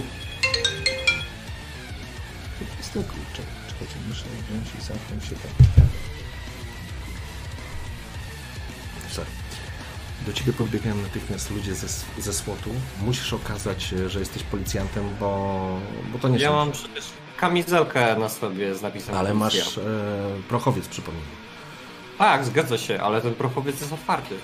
Okej, ja myślałem, że padłeś na glebę po prostu. Okej, w porządku, to obracasz się w ten sposób. Wiem, wiem, że się przeturlowuje, więc e, jak, zresztą jak chcesz, okej, Okej, w nie, ma, porządku. nie Oni ma dobiegają- znaczenia. Nie? O- Oni robią swoje w tym momencie. Orientują się, że jest policja tak samo w tym momencie przez drzwi boczne. Wpada po prostu, wpada trzech ludzi. A dostrzegasz, e, Żan, że są to po prostu ludzie ze SWAT-u. Zresztą policja na wysokości afała, ten wirnik wypełnia, po, po prostu huczy, tam jest olbrzymi huk. E, i, i błyski światła, ogień, który został już z rozszaczami ściągnięty, więc jest wszędzie mokro.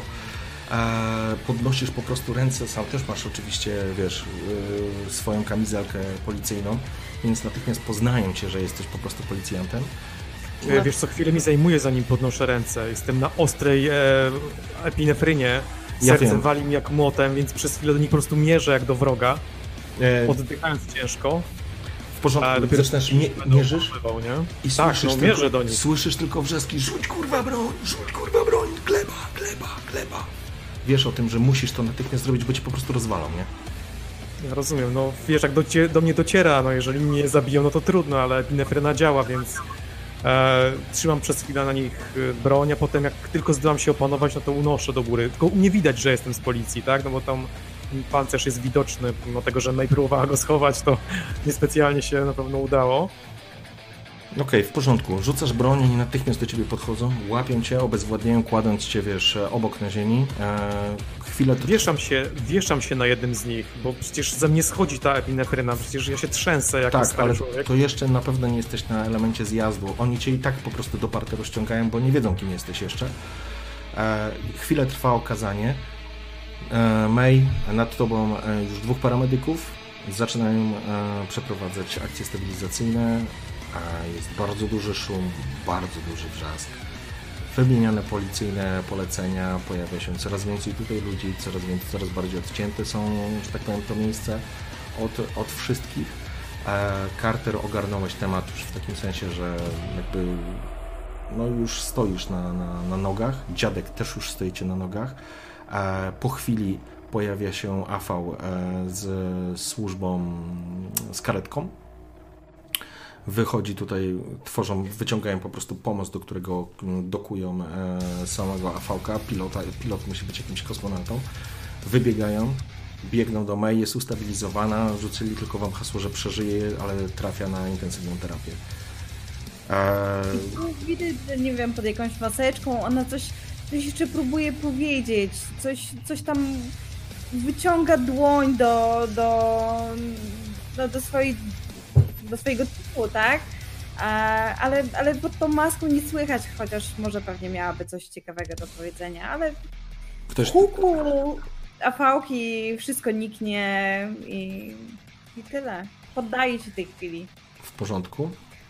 Wywożą, ładują, do, ładują się do Afała z Niką, e, przepraszam, z May e, i po prostu zamykają i odlatują. Po chwili e, do ciebie Carter podchodzi dowodzący jednostką. A, ty jesteś detektywem, a jesteś osobą tutaj, że tak powiem, odpowiedzialną, czy wydającą polecenia. Co tu się wydarzyło? Dlaczego wyszliście bez wsparcia? Carter nie ma ochoty odpowiadać na jakiekolwiek pytania, po prostu wskazuje tego śmiecia, od którego wszystko się zaczęło, e, Newtona. E, I w ogóle sam wchodzi do tego zrujnowanego, przestrzelonego e, pokoju z jednej, z drugiej strony. Te światła faktycznie gdzieś tam latają. E, przygląda się, czy ten śmieć w ogóle jeszcze żyje. To było pierwsze. Tak, żyje, dziadek wykonał dobrze swoją robotę. On żyje, jest, że tak powiem, przy tym stole. Dziadek stoi obok niego, stoi obok niego jakiś funkcjonariusz już nie ze słotu. Facet jest przerażony, trzęsie, pokazuje, musimy kurwa, u- zabierzcie mnie stąd. Mówi do ciebie dziadek, zabierz mnie stąd, mam masę kasy, zabierz mnie stąd. Ucieknijmy stąd, ucieknijmy stąd, kurwa, nie mamy tu szans, nie mamy tu szans. Widziałeś, co się stało? Widziałeś, Los Muertos już są na, już tu są, oni już tu są. Dziadek, dziadek jest naćpany, rozbiegane oczy, rozgląda się w pomieszczeniu, patrzy na swój biomonitor, znowu rozgląda się, znowu na biomonitor. Jest duże, ode- jest jakby duże odejście od, od standardowego twoich odczytów ciała, ale no jest już naszprycowany, nie? Pytanie, czy to jest, jeżeli to jest zagrożenie dla mojego zdrowia, no to na pewno y, do jakichś lekarzy, nie? Do tych medyków. Mm, Na tych, to znaczy, jeżeli się pojawili tutaj ekipa z, z pogotowia ratunkowego i z, z, ze szpitala, e, kiedy, że tak powiem, kurz opadł na zasadzie, że już nie było zagrożenia, na pewno medycy też podeszli do ciebie i sprawdzili, tak? Mhm. Sprawdzili pewno poziom. informuję Cartera, nie? W jakim jestem stanie. Znaczy mówię, że muszę odpocząć, muszę odpocząć, muszę odpocząć. Carter widzi, że w tym momencie ma po prostu wzrok e, wbity w e, buty, chyba swoje. Podnosi go na chwilę, e, zwracając się w kierunku tego oficera dowodzącego e, swatem, który zadał mu jakieś pytanie. mhm. Ich wzrok przez chwilę się krzyżuje. Widać, że te mm, kolorówki w oczach Car- Car- Cartera gdzieś tam po prostu przez chwilę zapalają się jakimś takim żółtym światłem. Ten śmieć musi przeżyć. Przenosi wzrok w tym momencie na e, tego mężczyznę, Mhm. po czym ładuje mu po prostu raz, drugi, trzeci. E, Rozumiem e, Newtona. Tak, jak najbardziej. w porządku. Więc jest jedno. To, to, to, to trwa chwilę, dziadek. Ty to widzisz. E, Facet ze słotu też to widzi, ale on nie reaguje. Natomiast Carter wyprowadza potężne uderzenia. Jedno. Głowa Newtona po prostu od, prawie się nie odrywa od karku. Poprawia z drugiej strony, jak on jeszcze jest na wychyleniu. Bluzga krwi leci mu przeci- na, na, że tak powiem, w jedną, w drugą stronę. Po czym Wiesz co, ja nie, nie reaguję, bo Okej. myślę, że to moja fantazja może być. w porządku, uderzasz go jeszcze raz, jego głowa, pięść uderza w, czoło tak naprawdę Newtona, którego głowa uderza z kolei o, o resztki stołu za nim. Facet traci przytomność, a kolejny, jakby Carter traci panowanie nad sobą, natomiast jest facet ze słotu, który go powstrzymuje. Łapie cię za ręce, łapie cię po prostu, uspokój się, kurwa, uspokój się, uspokój się, nie? Dopiero wtedy, wiesz, tak jeszcze raz można powiedzieć, kiedy się wyrywa Carter, to wreszcie zaczyna z niego powoli to schodzić. w porządku. On cię odciąga, nie? Mówi, chłopie, kurwa, będziesz miał problemy, to ścierwa, ale będziesz miał problemy. Zaraz, uspokój się, kurwa, tu jest za dużo świadków, wyluzuj, wyluzuj, człowieku, wyluzuj, kurwa, wyluzuj, wyluzuj. Słyszysz tylko w głowie, wyluzuj, wyluzuj. A, Maj, wybacz, jesteś odcięta w tym momencie. A, Tak to jest umieranie, nie? w, e, na szczęście nie. Jesteś w drodze do szpitala, jesteś gliniarzem. Gdybyś nie była gliniarzem, byś tu pewnie umierała. Dziadek, spoglądasz, spoglądasz na tę sytuację, widzisz jak ten rosły mężczyzna bierze kartera i go, wiesz, wyciąga, ale mówi do niego tak, wiesz, no, stara się go uspokoić. Ty jesteś, Jak do dziecka. ty jesteś w szoku, patrzysz na... na, na, na ja, ja oglądam jak film po prostu, bo ja jestem naćpany, więc ja się zachowuję tak, żeby nikt nie poznał, że jestem naćpany, więc po prostu patrzę na nich, udając, że wiem o co chodzi. W porządku. A, Udaje się do tych lekarzy też, nie? Żeby mnie postawili na nogi. Okej. A, W porządku. Em, Ekipa medyczna ogarnia, e, sprawdza, natychmiast podłączają twój, wiesz, podłączają się, sczytują twój biomonitor, mają pełną twoją wiedzę na twój temat, wprowadzają jakiś tam zestaw e, deto- detoksykacyjny, e, każą ci usiąść, dostajesz maskę na ryj, masz się uspokoić, jesteś już wiekowy, więc, więc masz... ma- 8 miesięcy, potrzebuję tylko 8 miesięcy, dajcie mi tylko te 8 miesięcy. Chcę tylko dożyć do emerytury, proszę was, doj- dajcie mi dożyć do emerytury. Spokojnie, spokojnie, niech pan się uspokoi, wszystko będzie dobrze, proszę głęboko oddychać, będzie, będzie w porządku. Teraz czujesz, jak to wszystko z ciebie schodzi, masz wrażenie, jakby po prostu krew odpływała ci od ciała, jakby policzki zaczynały być obwisłe, jakby zaczynały ci drżeć powieki, zaczynają ci drżeć ręce, zaczynasz analizować inaczej, zaczyna dochodzić do ciebie to, co się właściwie tu wydarzyło, jak było blisko, jak było, jak było May. I ona leży i, i dostała, dostała serią Cap Killer, kurwa, z niej nic nie zostało, ona nie przeżyje, kurwa, ona nie przeżyje. Słyszysz nagle, Carter, dostrzegasz, wiesz, ty stoisz przy ścianie, kurwa, walisz, opierasz ręce o ściany, zaciśnięte masz, aż ci bieleją kłycie. Ten gliniarz, ten, ten, ten szef tego składu, SWAT-u mówi ci, żebyś się uspokoił, żeby było w porządku. Będzie w porządku, będzie w porządku, wszystko będzie w porządku. Słyszysz, yy, słyszysz z rogu, mm, no zobaczymy, weź sobie opanowanie, dziadek. O kurczę, to będzie słabe. Wszystko, co ci może pomóc e, się opanować. Nie mam chyba nic takiego, wiesz. E, Techniki relaksacyjne, słuchaj, a to może ci pomóc. ale tutaj muszę, s- jedno, muszę mieć tego chipa, ja nie wiedziałem Aha. tego chipa ze sobą. Okej, to nie, to nie. No dobrze, to w, y, rzuć sobie w takim razie opanowanie, ile masz? Opanowanie masz 6, musisz rzucić 15. No to nie jest tak tragicznie. Nie. Nie, opanowanie mam 5. Czekaj, to ja może złą kartę znowu zobaczyłem. No oczywiście, ja na tą karcie patrzę, sorry. Tak. E, Masz a opanowanie- biomonitor? Biomonitor pewnie nic mi nie da. Nie, to jest na Nie, truciznę ja ci monitor. niestety daje. Tak.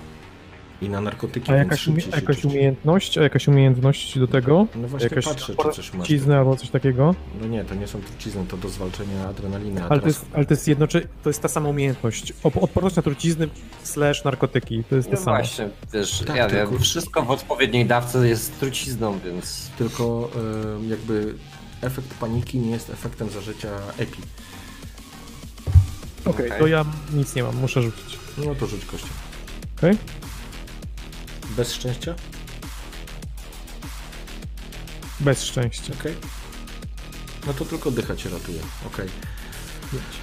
Carter, kiedy ty jesteś przy, przy drzwiach i próbujesz złapać oddech i jakby mm, odejść od tej całej sytuacji, trochę stanąć obok i jakby się opanować, bo nagle tysiące tych samych obrazów, które ci się przypominały, przypominają z poprzednich misji, z działania pod przykrywką, wielokrotnie byłeś świadkiem takich sytuacji i to były najgorsze twoje przeżycia, które gdzieś są zamknięte z tyłu w głowie, a teraz to, co się wydarzyło, po, postrzelenie May, jakby otwiera puszkę Pandory i nagle z rogu słyszysz dziadka, który wstaje, zrywa z siebie maskę.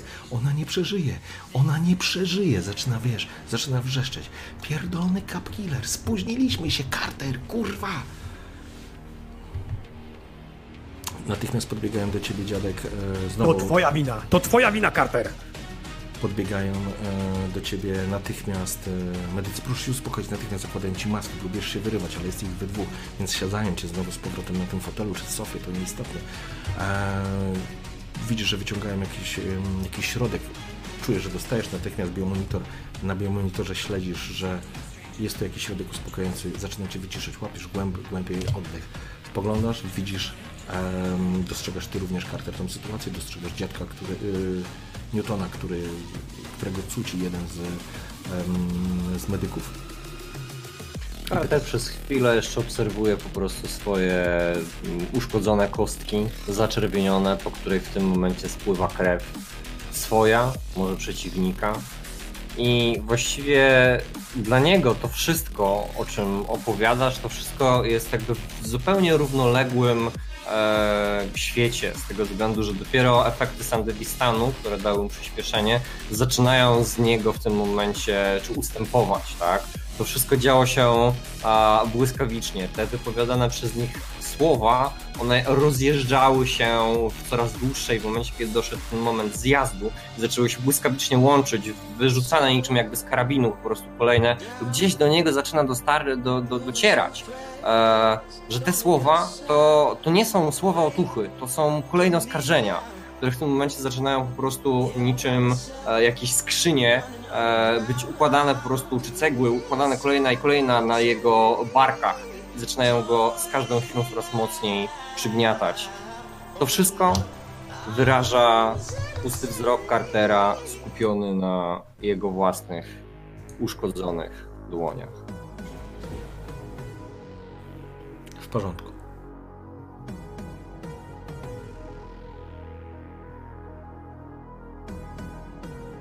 Po krótkim czasie, po paru minutach, być może dłuższym, trudno to określić,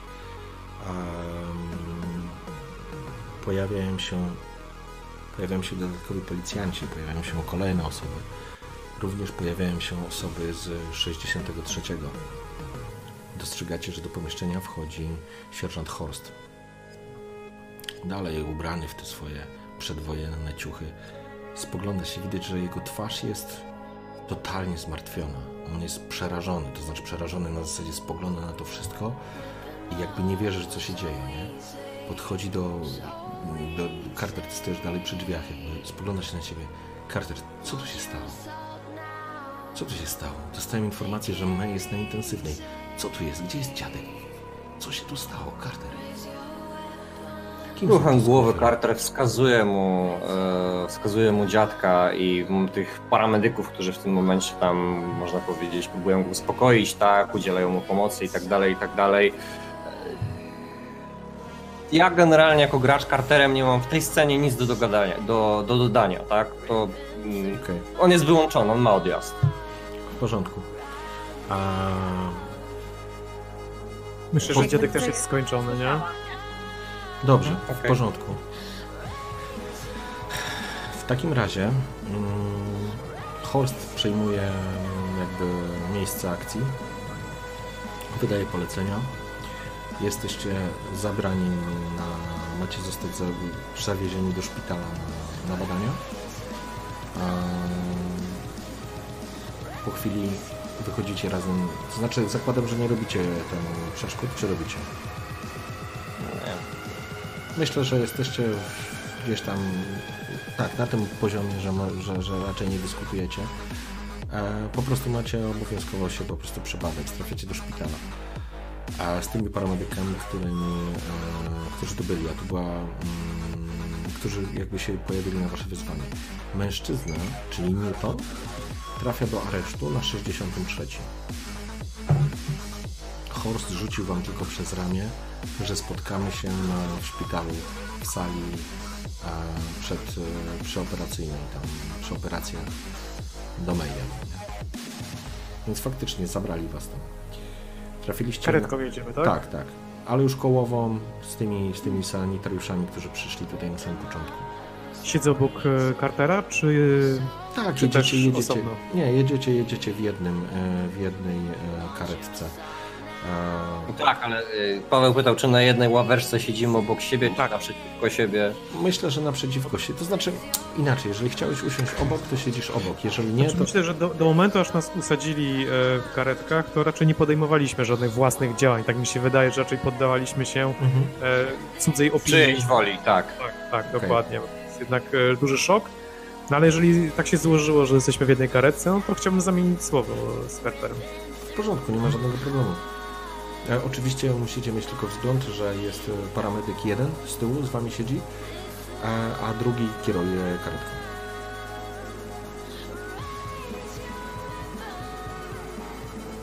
Carter, odzywam się do niego.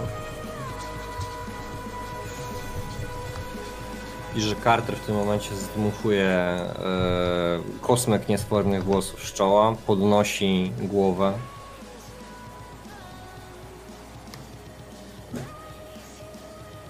Wyciągam rękę i kładę mu rękę na ramieniu.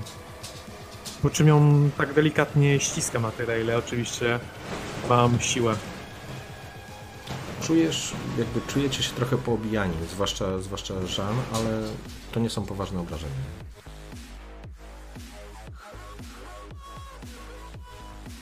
I tyle, nic więcej. Ściągam dłoń z ramienia i nic więcej nie mówię. W porządku. Wnętrze karetki jest sterylnie białe. Czuć zapach takiej sterylności, jeżeli dobrze mogę to nazwać, ale na pewno wiecie o co mi chodzi. E, ściany tej karetki wypełnione są różnego rodzaju ekranami informującymi, zbierającymi informacje na temat, na temat waszego stanu zdrowia. Jeżeli jesteście podpięci, a jesteście na pewno pod jakieś aparaty podpięte, podpięci. E, dziesiątki informacji, które wam w wielu wypadkach absolutnie niczego nie mówią. A George, a paramedyk, teraz dopiero dostrzegacie. To młody gość. Blondyn przystojny nawet. Z niebieskimi oczami i kozią brudką. Jest przerażony, widać, że jeszcze na twarzy ma plamy krwi, że jego kostium, e, że jego strój jest po prostu we krwi. Patrzy na was też ciężko oddycha. Jest zaprawiony w boju, ale to też na pewno nie była dla niego zwyczajna akcja. Karetka dojeżdża gdzieś tam, zostawiając cały świat za wami. Zostaje tylko gdzieś tam na, na tym poziomie świadomości ten zapach sterylności. A później siedzicie tak naprawdę na sali. Pies, cicho. Siedzicie na sali, a takiej, w takiej, po- przepraszam, sekunda. Jest chaosu. Tak Standard, jak mówiłeś, nic się, pewne rzeczy się nie zmieniają, to jest konstans, tak? to jest tak, dokładnie. Są filary, na które to się wszystko trzyma.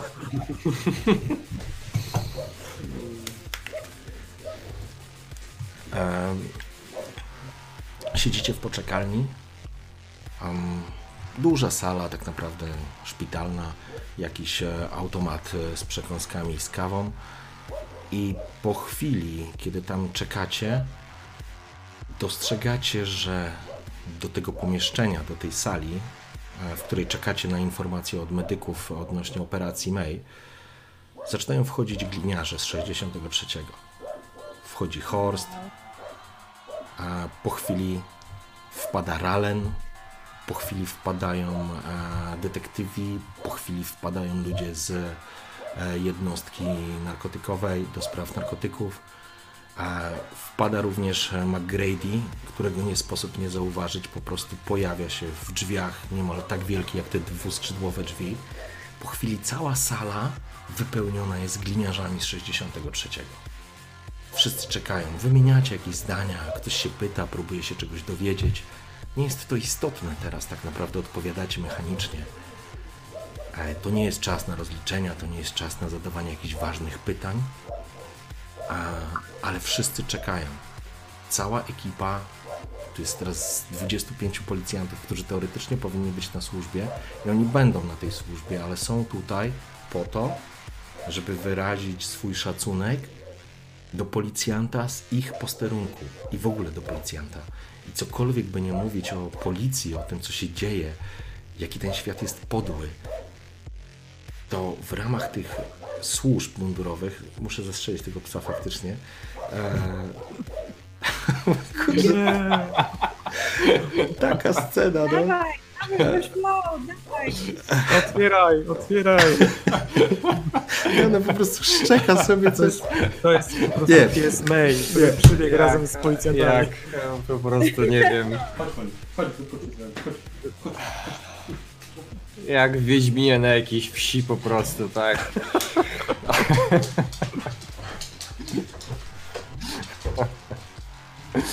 ludzie, jakieś kumy się zebrały z Nachora i psy szczekają.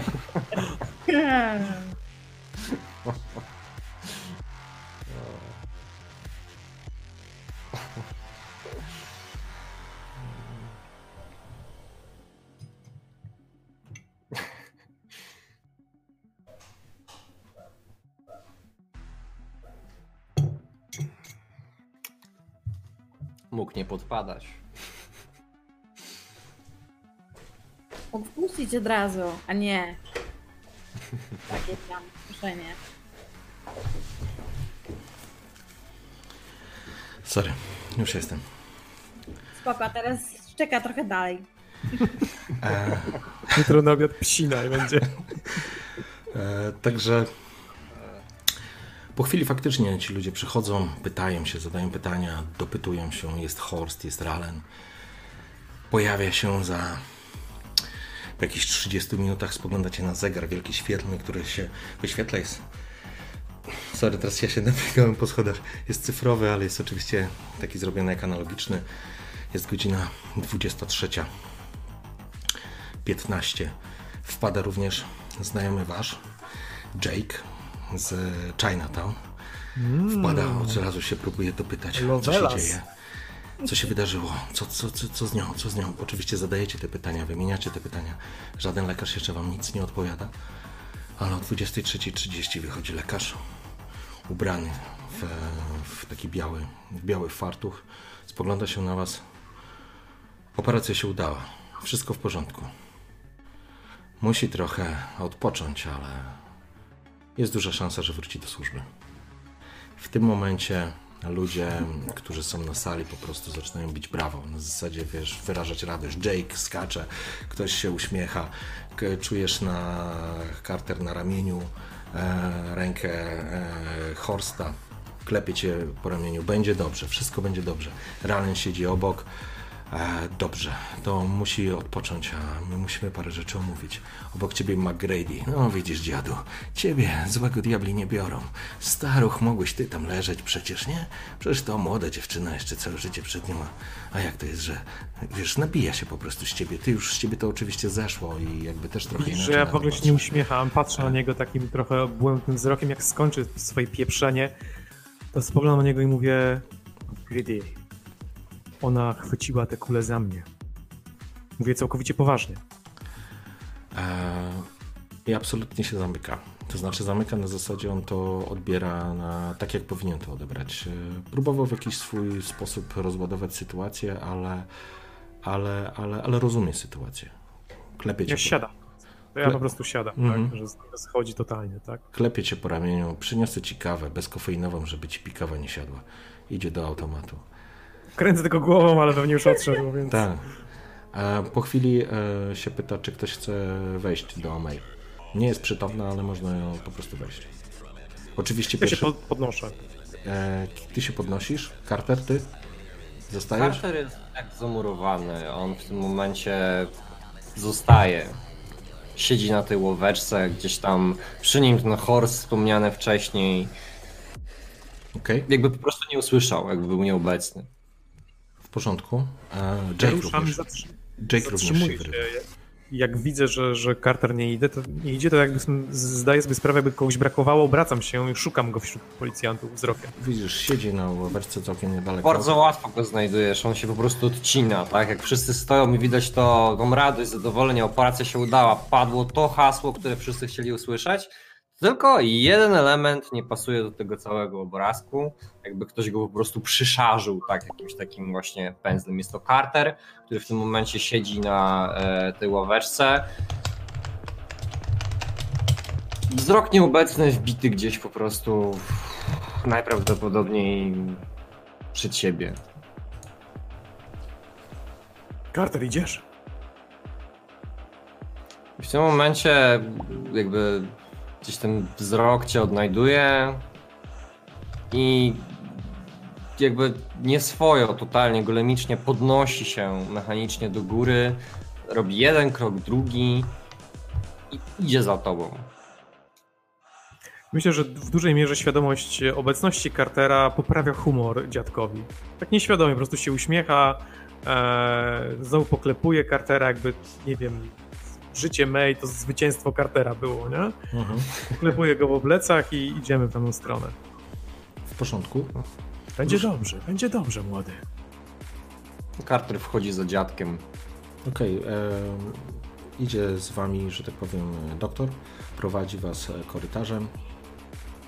Wchodzicie na salę pooperacyjną. Jest to indywidualna sala a May leży na łóżku, podpięta jest pod całą aparaturę, nad nią po prostu cały czas e, funkcjonują jakieś takie, wiesz, jakby skanery, cały czas skanują jej e, stan zdrowia, dziesiątki monitorów, ekranów, pikania, pipczenia, e, wykresów i innych magicznych formuł, które po prostu opisują cykl życia lub śmierci człowieka. Pomieszczenie przygaszone lekko światło, jeden fotel, stolik, okno wypadające gdzieś tam daleko w ciemność w, na, na, w kemu. Doktor obraca się do Was czarno, czarnoskóry z, jeszcze z tym czepkiem na głowie. E, zostawię Panów e, tutaj na chwilę, ale proszę nie za długo. 5-10 minut max, ok? Carter rozgląda się po pomieszczeniu, po chwili znajduje to, czego szukał, czyli rozkładane takie siedzisko. W tym momencie ten krzesełko, tak, czy coś takiego, on rozstawia, kładzie je, spogląda się przez chwilę na dziadka, jakby się zastanawiał, czy potrzebuje czegoś takiego, po czym sam Nie. na tym siada. Widzisz, nie czekając nawet na żadne przyzwolenie, tak, zakłada nogę na nogę, rozprostowuje się nieco w tym krześle, i patrzy w tą magiczną aparaturę, która w tym momencie utrzymuje May przy życiu. Jak rozumiem, May jest nieprzytomna, więc ma zamknięte oczy, ma całą tą aparaturę również na twarzy. No to wiesz, ja przykucam trochę przy niej, spoglądam na nią, tak trochę z, z dbałością, czy przypadkiem, wiesz, czegoś jej nie brakuje, albo e, no właściwie nie wiem do końca jak się zachować. Też myślę, że nie. Myślę, że dziadek wie, jak się zachować. Nieraz był przy czyimś łóżku właśnie w podobnej sytuacji, szczególnie w 42, więc wykonuje pewne rzeczy mechanicznie. Nie daj się młoda, mówię. To nie może cię pokonać. Musisz żyć. Musimy rozwiązać tę sprawę. Żeby spróbować się obudzić? Nie, niestety jesteś po operacji. Nie. Mam jeszcze epinefrynę, jakbyś potrzebowała. Dziadek ma? Dziadek się zawsze może poczęstować czymś dobrym. Dziadek poczęstował zawsze zostaw. Nie no, jesteś po operacji, więc y, pewnie gdzieś nad ranem dopiero dojdziesz do siebie, ale na drugi dzień powinnaś już być przytomna, nie? Mhm. Teraz po prostu jesteś po operacji. Mm, dowiedzieliście się mm, jakby o obrażeniach, które, które May na siebie przyjęła. Sumarycznie przyjęła na siebie cztery pociski a trzy pociski trafiły ją w tej drugiej odsłonie. Pierwszy pocisk e, trafił ją w, wówczas tam w tej sypialni. Um, na szczęście te pociski nie zdążyły po prostu, znaczy one ją przeszyły na wylot. I na szczęście szły przez, e, przez wzmocnienia typu Kevlar. To znaczy tego już nie, nie, nie, nie dyskutuje o tym lekarz. Po prostu miała dużo szczęścia. Twierdzą, że miała dużo szczęścia, przeżyje. E, wszystko co najgorsze to już za nią, niewiele brakowało. Nie? Pocisk ominął najważniejsze, że tak powiem, e, narządy wewnętrzne.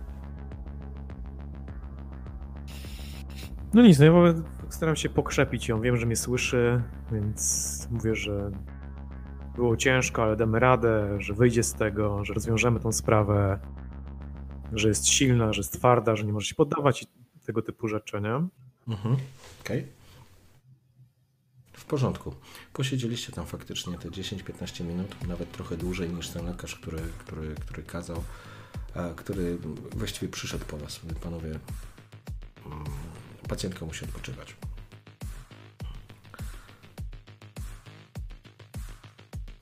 Rozumiem, że wychodzicie. Mhm. Dostajecie też informację, że już jutro powinna być przytomna, więc więc tak naprawdę teraz rozpoczyna się proces e, gojenia i leczenia. Kiedy wychodzicie już e, na tą salę oczekujących, mm, większość gliniarzy wróciła na swoje posterunki. Został e, kapitan Rallen, został Horst i został e, Jake, który natychmiast do Was podbiega i pyta się, czy wszystko z nim w porządku. Powiedzcie coś. Czy wszystko z nim w Carter porządku? go, Carter go mija, zostawia go sam na samo z dziadkiem. Obraca się, obraca się do ciebie dziadek, tak, wiesz, z, takim, z, z taką prośbą. No dobrze, no w takim razie no, poświęcam mu trochę czasu, opowiadam, że, że e, no może nie wszystko opowiadam jak było, nie mówię, że chwyciła za mnie pociski, Jasne. e, żeby nie stać się automatycznie jego wrogiem, ale no w skrócie opowiadam sytuację, e, opowiadam o dzielności May i że z nią będzie wszystko dobrze i że widzieli, że nie wygląda aż tak źle, wszystko będzie dobrze, młody, ułożysz się, zobaczysz, szykuj pierścionek i w ogóle. Okej, porządku. Boże, dziadek, co ty zrobiłeś? Dobrze, dobrze. Będzie dekonstrukcja postaci May. On, ci- on, ci- on ci już powiedział w pierwszej sesji, że to dobry chłopak, nie? Także on cię już wyzwatał. Oczywiście Nie Jake. Jake e, z wielką taką, e, no, wdzięcznością przyjmuje te informacje do siebie, jakby dziękuję Ci za to, że poświęciłeś mu czas. E, To nie trwało specjalnie długo, natomiast zostaje, zostaje Ralen, e, który czeka na Was. E, Horst już, ponieważ Horst tak naprawdę nie zajmuje się tym sprawą Capkillera w taki sposób prosty, be, bezpośredni, więc on wrócił, Mm, natomiast Ralen na Was czeka. Ja podchodzę, podchodziłem i tak w tamtym Mhm. kierunku, więc staję jako pierwszy przed Ralenem, przed Horstem, który gdzieś tam stoi obok. Po chwili z- zakładam, że, że, że jakby on też czeka na tą wymianę, na zakończenie wymiany zdań z, z tym Jake'iem. Znaczy jak widzę, że oni czekają, to przyspieszą naturalnie Jasne, tak, i to nie trwa się do długo. kapitana. To nie trwa długo. Yy, Jake Ci bardzo dziękuję. Twierdzi, że zostanie i będzie czekał, aż się obudzi. Więc yy, urocze, prawda? Jaki słodziak. Natomiast oczywiście za chwileczkę dziadek dołącza do waszej trójki. Um, Ralen, tak naprawdę to jest jeden wielki znak zapytania teraz. Oczywiście przez te dwa dni dostawał zestawy informacji jakby na bieżąco. Mm, Natomiast ta akcja była taką akcją, która nie była zgłaszona, nie? czyli jakby nie było, bez wsparcia pojechaliście tam. Więc na pewno będzie chciał dowiedzieć się, mm, co się właściwie wydarzyło. Um, spogląda tylko na Was, czy jesteście w stanie dzisiaj gadać? Miejmy to już za sobą. W porządku. To co? Wracamy na 63, pogadamy. Opuściliście ze sobą e, szpital i ruszyliście jego samochodem na 63. A nie, przepraszam, mieliście swój samochód. E, więc Carter na pewno odebrałeś, e, odebrałeś auto. Wóz partnerki. Tak. Mhm. i pojechaliście na 63. Dziadek, jedziesz rozumiem z Carterem. Okej, Tak. no to ustaliliście, że spotkacie się e, na posterunku i Ale ruszycie. może jakiś funkcjonariusz pojechać po wóz Cartera? Nie możemy pojechać od razu teraz z Ralenem, a po prostu ktoś odbierze wóz Cartera? No To przecież jest to... wasza decyzja. To jedziemy z Ralenem, nie ma co tam... Okej, w porządku, więc Masz tracić czasu, chodzi o Cap Killera, nie będziemy jeździć po cudze samochody. W każdym razie przeskakujemy ten wątek, znajdujecie się na 63. Jest e, po godzinie... mm, Jest jedna rzecz o której chciałbym powiedzieć. Ruszyliście, jest przed 12. Ehm, Mniej więcej podróż ze szpitala na posterunek widzicie na ekranie. Ehm, Jakby prawie sztuczna inteligencja prowadzi Was e, poprzez, e, poprzez samochód. W ogóle Ralen nie, nie prowadzi tego samochodu. Jego fotel obraca się do Was i siedzicie tak jakby przy stoliku. E, Samochód prowadzi się sam. Na ekranie tylko pojawiają się informacje na temat najbliższych pojazdów, na temat najbliższych jakichś sklepów, na temat potencjalnych dróg kolizyjnych, na temat czegokolwiek, co teraz jest może najmniej istotne, ale również jest czas podany dojazdu do 63, czyli teoretycznie macie w pół do pierwszej będziecie na posterunku. Em, mniej więcej w okolicy jakieś 15-20 po. Nad miastem, z jednej z północnej części miasta, pojawił się grzyb ognia. Po prostu wybuch. Chmura ognia, wybuch, trzask. To było odległe, więc tutaj nie posypały się szyby, wiecie. E, nic takiego się nie wydarzyło. Ale natychmiast, ponieważ jesteście gliniarzami, kojarzycie, że jest to obszar e, magazynów i hangarów. Z tamtej strony miasta. Uniosło się po prostu grzyb, potężny jakiś wybuch. Natychmiast wypełniły się, wiesz, powietrze a oraz e, w powietrzu się wypełniły pojazdami służb specjalnych, ratowniczych. E, informacja na temat e, w radiu Ralena natychmiast setki komunikatów o wybuchu, o rannych, o pomocy, o potencjalnych jakichś zagrożeniach itd., itd. Wszystko kieruje się strefa magazynowa, dzielnica magazynowa, Kemo, północ. Na przecięciu tam 153 i 4, to najmniej istotne. A, no, odnotowaliście to, bo na pewno to odnotowaliście. Natomiast wy macie za chwilę być e, w, na posterunku. Ralen spogląda się natychmiast na was. E, Na was się spogląda, spogląda się jakby na radio. A najprawdopodobniej za pomocą swojego agenta wysyła już jakieś zestawy informacji albo pytań do tego, co się właściwie wydarzyło.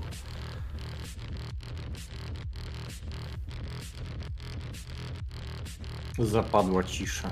Tak, jest cisza i jakby ty natychmiast, Carter, myślę, że też korzystasz z swojego łącza do sieci, przełącza, wyciągasz jakieś już zestawy informacji, natychmiast e, po, podrzucasz swojemu agentowi, żeby zebrał informacje z wszystkich użytkowników iReal, którzy są tam na bieżąco w tym momencie i transmitują do sieci, e, co się właściwie dzieje. Natychmiast twoje przed Twoim ekranem. Wyobraź sobie, że patrzysz w jeden wielki ekran i pojawiają Ci się, otwierają okienka z dziesiątków gapiów, którzy na żywo podają iReal z komentarzem.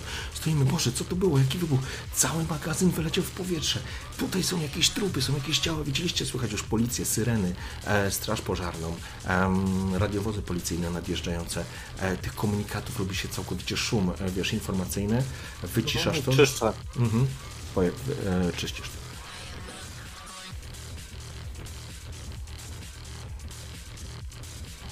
Ran odbiera jakąś informację, na pewno, na wewnętrznym e, interkomie. Albo zamach, albo coś poważnie pierdolnęło w magazynach.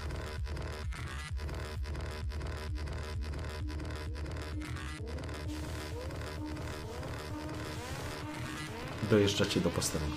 Mhm. Okej. Zatrzymaliście się, trafiacie na posterunek, to jest mało istotne.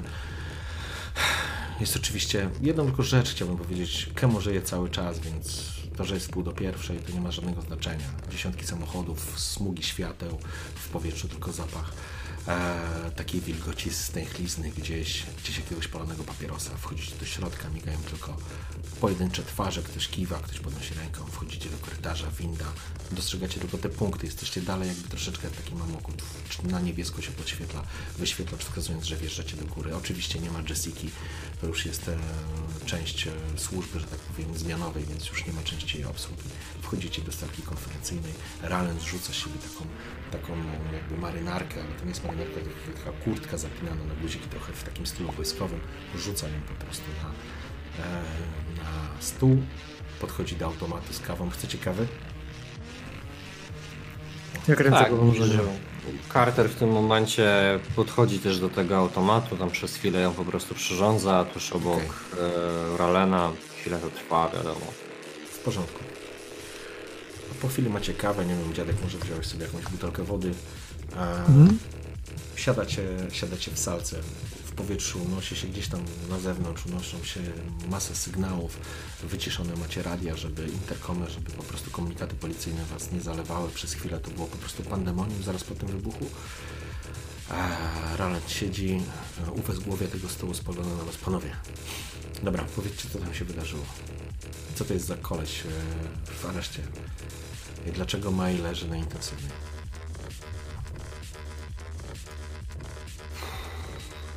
Typ, którego udało nam się ująć, jest jednym z pośredników handlu bronią.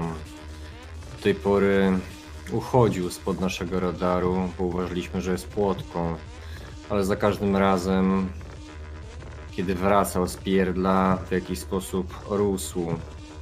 Najprawdopodobniej złapał parę kontaktów i nieźle zarządzał swoją siecią. Do tej pory był niewykrywalny. Ostatecznie dostaliśmy namiar i postanowiliśmy wziąć sprawy w swoje ręce. Chcieliśmy dowiedzieć się, w jaki sposób odbywa się dystrybucja Capkillerem i czy już w tym momencie ruszyła. Jak widać, spóźniliśmy się. Typ okazał się być osobą, na którą poluje już w tym momencie.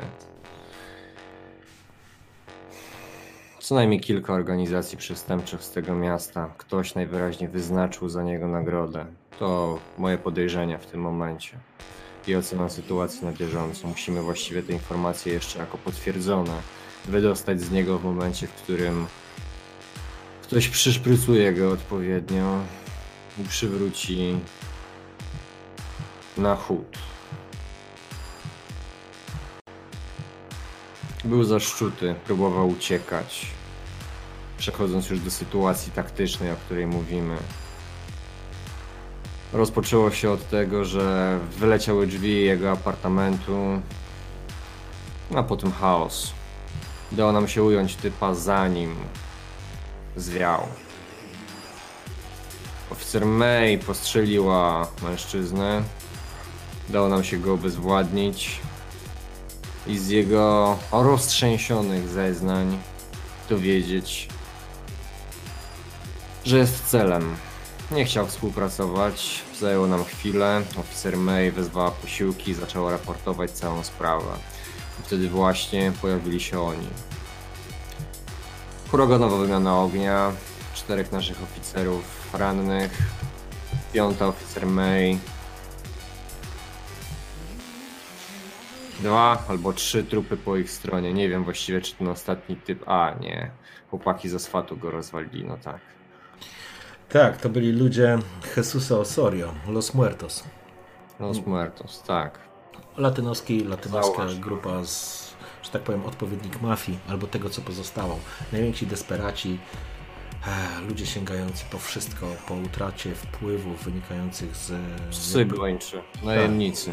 genetycznych, że tak powiem, zniszczonych upraw kokainy.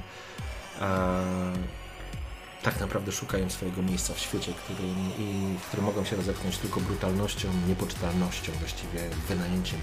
Sięgną, ka- zaangażują się w każdą działalność przestępczą, żeby spróbować się rozepchnąć i utrzymać swoją pozycję. Najbardziej niebezpieczny gang ludzi, to znaczy grupa zorganizowana. To- Przenoszę ciężki wzrok w tym momencie na dziadka, jakby patrząc, czy ma coś do dodania w tym momencie. Spoglądam również na Cartera. Kręcę głową. I spoglądam znowu na kapitana. Mhm, ja też przenoszę wzrok na Galena. Czyli co, mamy jednego podejrzanego i od niego możemy się czegoś dowiedzieć. Zaminowany safe w jego mieszkaniu. Spogląda się na ciebie. Zaminowany safe? Tak jak Skrytka. powiedziałem, kapitanie. Zgłaszyliście to komuś? Tam jest dochodzeniówka w tym momencie. Natychmiast widzisz, zaczyna się łączyć przez agenta. Dostrzegacie jakby działo się to przez... E... na waszych oczach. Mhm. Paweł, rzuć K10.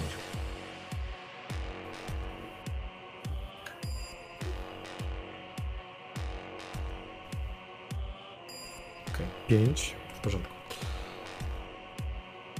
Wydaje parę poleceń, informując, żeby, że jest niebezpieczny, jest za- zaminowany, zaminowany safe, żeby się do niego nie zbliżali, żeby wzięli jakiś saperów albo bomb skład, który to rozbroi. W środku podobno znajdują się rzeczy, które mogą obciążyć mężczyznę, którego udało nam się ująć. Może to posłużyć jako karta przetargowa. Czyli są tam dowody. Tak, mówił. Człowiek wspominał, że był jeden, jeden z trzech dostarczycieli broni na całe Kemo. Dwóch jego konkurentów podobno nie żyje. Zostali rozwaleni przez tego samego polującego na niego jego mościa.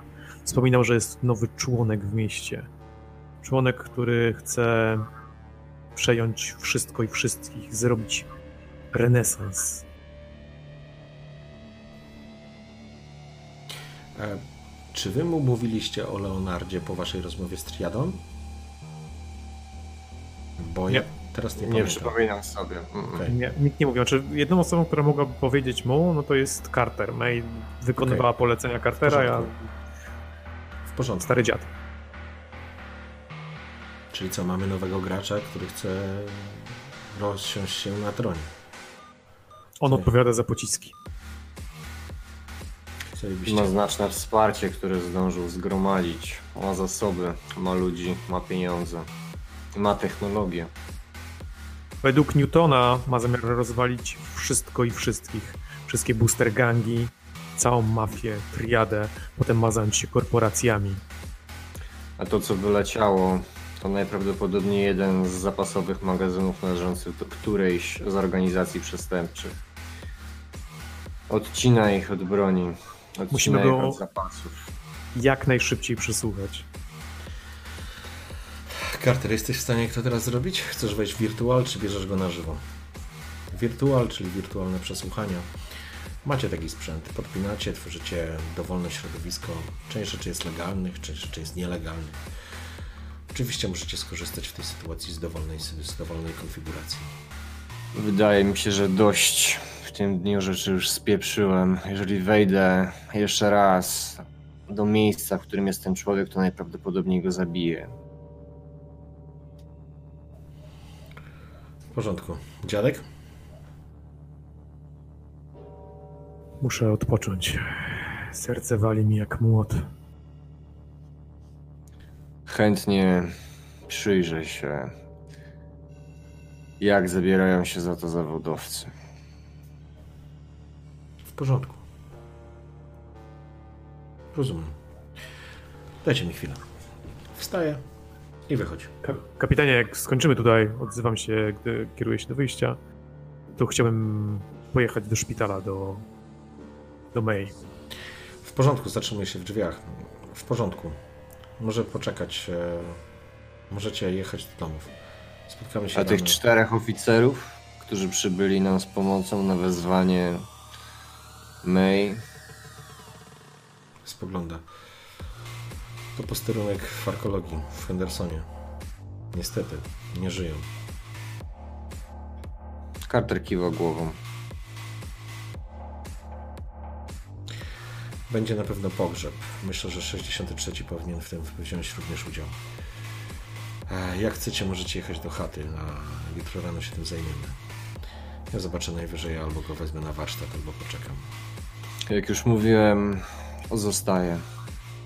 W porządku. E, idę się odbyć. Zostajecie w salce. Teraz pytanie, co zamierzacie zrobić? Czy teraz u niego w, w tym, w biurze? Jest, jesteście w tej sali Konferencyjnej, tak. W tej waszej ulubionej. Niepowtarzalna okazja, co? Mhm. Ja poczekam oczywiście na koniec e, tej rozmowy. Mm, Oczywiście wymienię jakieś tam detale z Carterem, ale ostatecznie chciałbym jechać do szpitala. E, właściwie to nie do szpitala, tylko zahaczę jeszcze o swój dom. Wyciągnę karabin szturmowy. Założę do niego sprzęt. Wsadzę go do samochodu i pojadę do szpitala. W porządku. Carter? Carter w tym momencie on będzie po prostu pomagał w przesłuchaniu. Być może jakieś jego wskazówki o, albo jakieś, nie wiem, pytania, które przyjdą mu do głowy.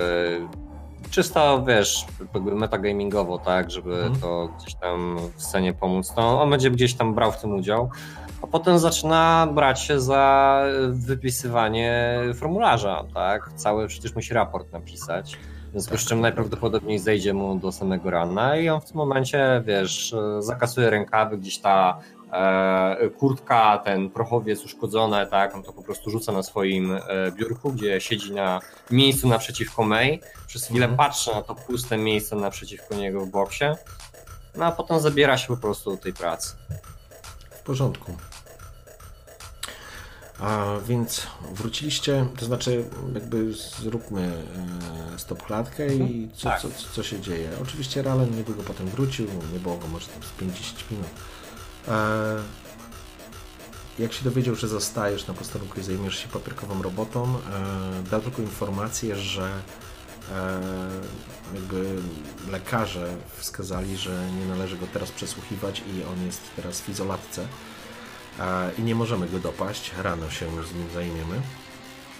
A dziadek, e, jakby też to słyszałeś, bo to było po powrocie, kiedy on wrócił, więc musiał prawdopodobnie z kim się skontaktować.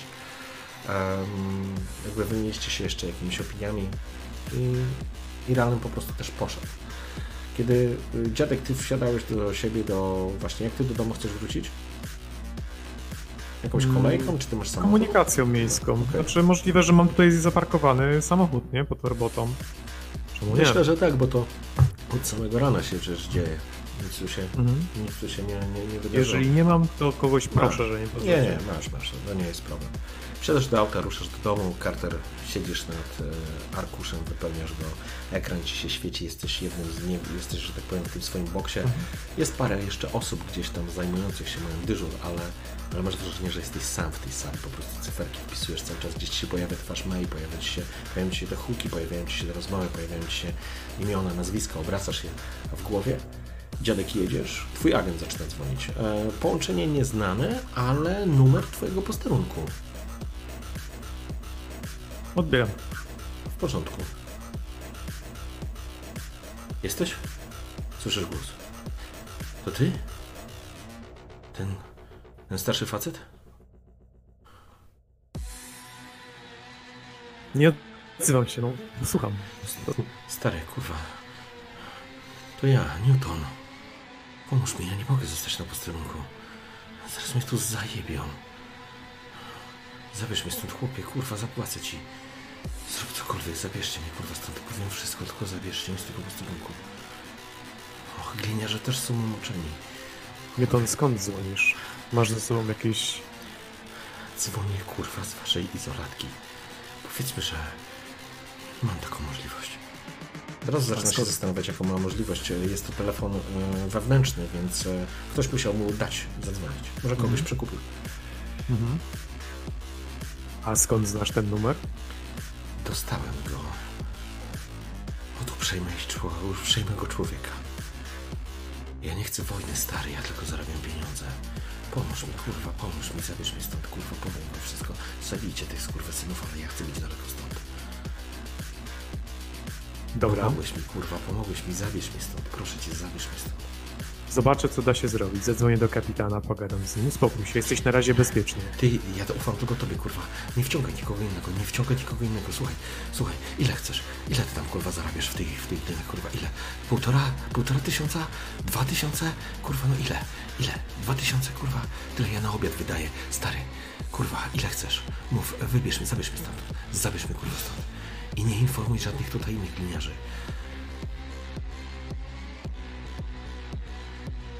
Wiesz, że nie mogę tego zrobić. Ja pierdolę, nie mów mi co nie możesz. Powiedz mi co możesz, kurwa. Słuchaj człowieku, uratowałeś mnie. Tamten twój kumpel psychopata chciał mnie zajebać. Tylko ty mi pomogłeś. Rozumiesz ludzi biznesu. Rozumiesz, że czasami tak jest. Przeżyłeś za długo, żeby widzieć takie rzeczy. Hej, kurwa stary, ile ci brakuje, kurwa? Odpoczniesz. Chcesz polecieć na wyspę, chcesz do Afryki? Mam zaprzyjaźnionego kumpla. Kurwa, Rozłączam się. Rozłączam się. Jedziesz. Jadę do May. Mhm. Okej. Dzwonię przy okazji do Cartera, wysyłam mu, albo informację mu wysyłam o tym, co miało miejsce i pytam się, jaką mamy ochronę. Faktycznie, żeby trochę zwiększyć e, ochronę na No to dzwonisz, Czy jest, po prostu dzwonisz. czy jest do po prostu możliwe, tak, czy jest to możliwe, żeby załatwił z Ralenem jakieś obostrzenia i wyposażył w coś więcej, bo, bo ten facet jest naprawdę przerażony i no, dziadek mu trochę wierzy. W sensie wyczuwa, że coś, że coś może po prostu wejść na ten posterunek. Ci ludzie mogą być po prostu szaleni. Jasne, jasne. Yy, hmm. Czy Carter jest w stanie z, jakby ocenić na własną rękę, ile w tym mogę? Teraz to jest w ogóle, yy, jak to się mówi. Yy, Pytanie jest na ile, to znaczy, okej, okay, sorry, skończ. Co, co ocenić? Yy, ocenić w sensie, yy, ile mamy ludzi w tym momencie w ogóle na, na posterunku, ale mi się wydaje, że to są, wiesz, yy, parę osób dosłownie, tak? Część jest w terenie, część wypełnia tak jak te właśnie, raporty. dużo się dzieje. Mhm, mhm, mhm. Wiesz, z Realen jeszcze w ogóle został, czy, czy też się już zmył? Bo on wiesz, chyba zrzucał informacje i... On zmywał się, on zmywał się i powiedział, no że rano się po prostu tym zajmiecie, bo i tak teraz nie macie możliwości, ponieważ facet jest w izolatce, nie? Mhm. No i wstawaj, będzie strzelanina znowu. Dawaj dziadek, to jak mi ty. Eee, cóż, e, to odpowiadam wobec tego tutaj e, dziadkowi, który dzwoni do niego. Jesteście Obecnie mamy jakieś sześciu albo ośmiu ludzi łącznie ze mną. Mamy zbrojownię, jasne, ale przecież co chcesz, żebym zrobił? Zobacz, czy jest jakiś technik. Wydaj mu dyspozycję, niech rozstawi. Niech rozstawi jakieś działko. Działko. Dla bezpieczeństwa. Nie, no jasne. Tylko wiesz co, mam wrażenie, że lepiej będzie jak ty do niego zadzwonisz i poprosisz go o tą drobną przysługę. Bo może w ostatnich 15 minutach wydarzyło się całkiem sporo, ale mam wrażenie, że to nadal za mało, by ludziom przeszło. Posłuchaj, na 16 i chyba 19 jest Goliat. To jest takie, taki dużo egzoszkielet. Hmm. Dawny, dawnych czasów. Można byłoby prosić o jego dyspozycję, żeby przesłali w trybie szybszym niż dwa tygodnie do nas. Hmm. Umiałbyś tym jeździć? Ja albo McGreedy. W porządku zanosi się na strzelaninę i to taką poważną. Jeżeli facet się nie myli, to oni spróbują zaatakować posterunek. Okej. Okay. E, Karta się rozłącza, tak, i mhm. faktycznie zaczyna, zaczyna działać. Pierwsza rzecz, stara się ocenić faktycznie ile ludzi zostało. Po drugie, mamy jakieś pewnie systemy alarmowe, tak, odnośnie zagrożenia. E, no i teraz się zastanawia, yy, Ach, który z nich uruchomić tak naprawdę, no nie? Wasz posterunek jest otoczony w ogóle murem, jest jedna duża brama wjazdowa, no sam budynek jest w środku plus tam parking. E, no jakby dostanie się do środka nie jest takie proste. To też jest śródmieście, to też nie jest strefa walki, w związku z tym jakby ściągnięcie tutaj posiłków trwa naprawdę niewiele, jeżeli doszłoby do czegoś takiego jak atak na posterunek bezpośredniego ataku na posterunek nie było już od wielu, wielu lat. Takie ostatnie wydarzenia to były podczas wojny z, z Nomanami. Może dziadek trochę przesadza, trudno powiedzieć, ale na pewno wierzę w to, co mówi. Pytanie, na ile ty ufasz ocenie dziadka, żeby podjąć jakieś kroki?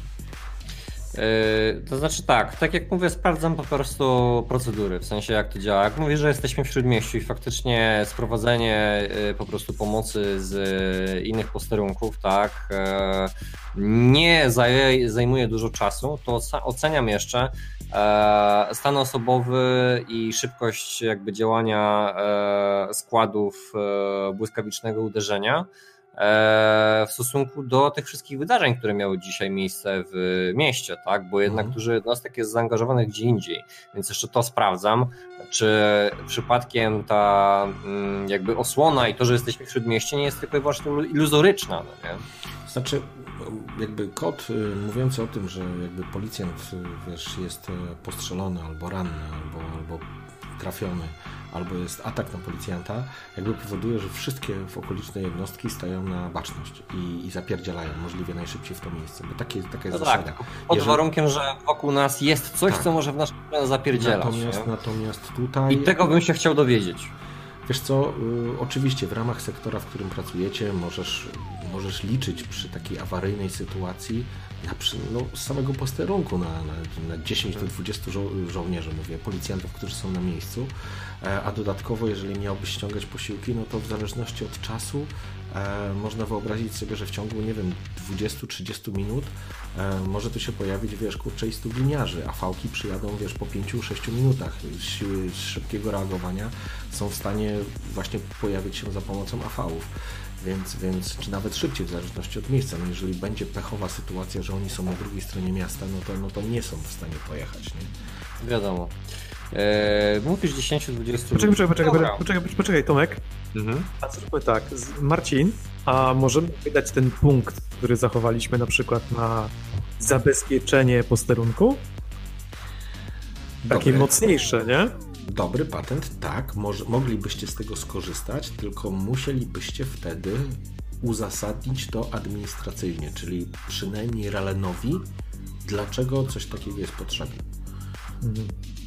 To może zaczniemy od takiego działania. Ja y, po prostu zbieram tych ludzi, którzy są w tym momencie na posterunku i y, żeby nie przedłużać też, nie robić z mhm. tego jakiejś sceny, tak. tłumaczę im e, kogo Albo, no właśnie, bo to jest z kolei dzielenie się informacją, której no to tak trochę. Której, której może nie powinniśmy też z drugiej strony ujawniać, bo jeżeli faktycznie jest jakiś kret, no to jest po sprawie wtedy. Ale trzeba coś zrobić, trzeba zaryzykować. Zak zakładajmy, że Ralen jednak nie jest, yy, nie pracuje. Nie, dla... ale ja nie mówię o Ralenie, tylko że Ralena mhm. już tutaj nie ma w tym momencie, tak?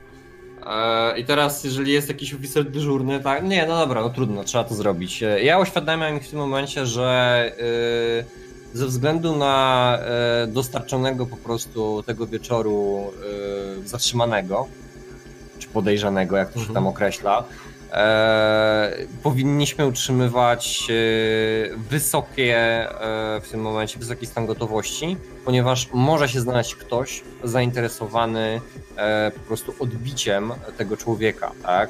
Mhm. Ja chcę ich mieć po prostu na, na takim, żeby oni byli świadomi, na alercie, tak? Okay. Że, że jest pewien poziom zagrożenia, które jest realne. Na tyle, na ile oni oczywiście są w stanie takie ostrzeżenie przyjąć od Cartera możemy coś rzucić śmiało. W porządku. Mm, to schodzisz, e, jakby schodzisz e, do sierżanta, który jest, e, jest kobietą. Na przykład. Jest kobietą. Jest Trudy Platt. A mhm. Bardzo, to znaczy dojrzała kobieta, powiedziałbym, że nawet wiekowa, trochę młodsza od, od hmm. dziadka, ale no ma taką taką jest żelazną damą tego posterunku i trzyma na pewno za mocno za, za, za, za ryj wielu policjantów i zresztą jest lubiana, bo zawsze staje za nimi.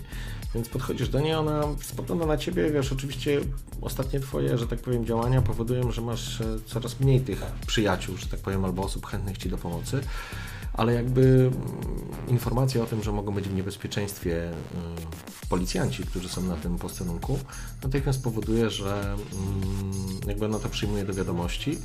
E, okazuje się, że przed izolatką jest już jeden gliniarz, dokłada jeszcze jednego gliniarza, no i oczywiście wprowadza taką informację, że, że tak jak powiedziałeś, żeby oni byli po prostu na czuwaniu, żeby tutaj nie było relaksacyjnych drzemek teraz i tak dalej, tylko że... Powiedziałeś, że przed, znaczy ona powiedziała tak, że przed izolatką jest jeden gliniarz. Tak.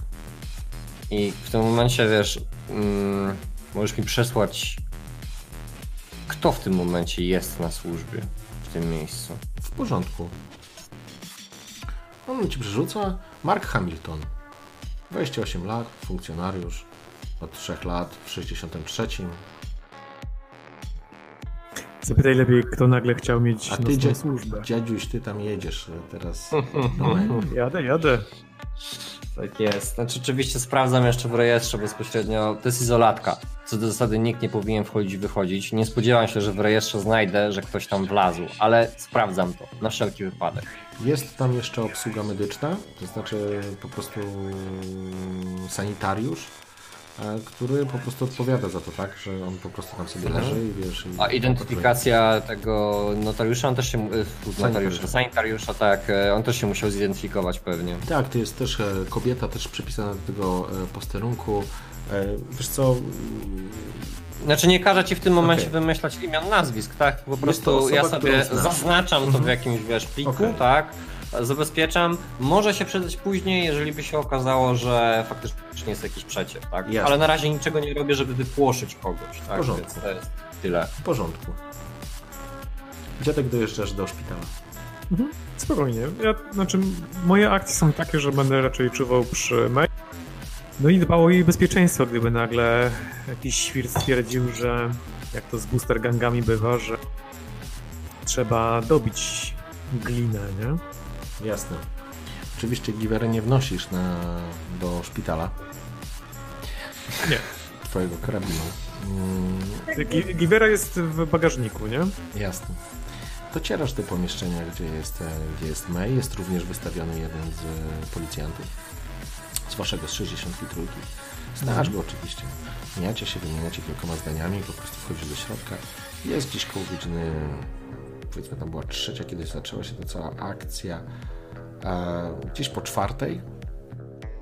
E, May powoli, powoli jakby zaczynasz w, trochę łapać świadomość tego, co, co się dzieje.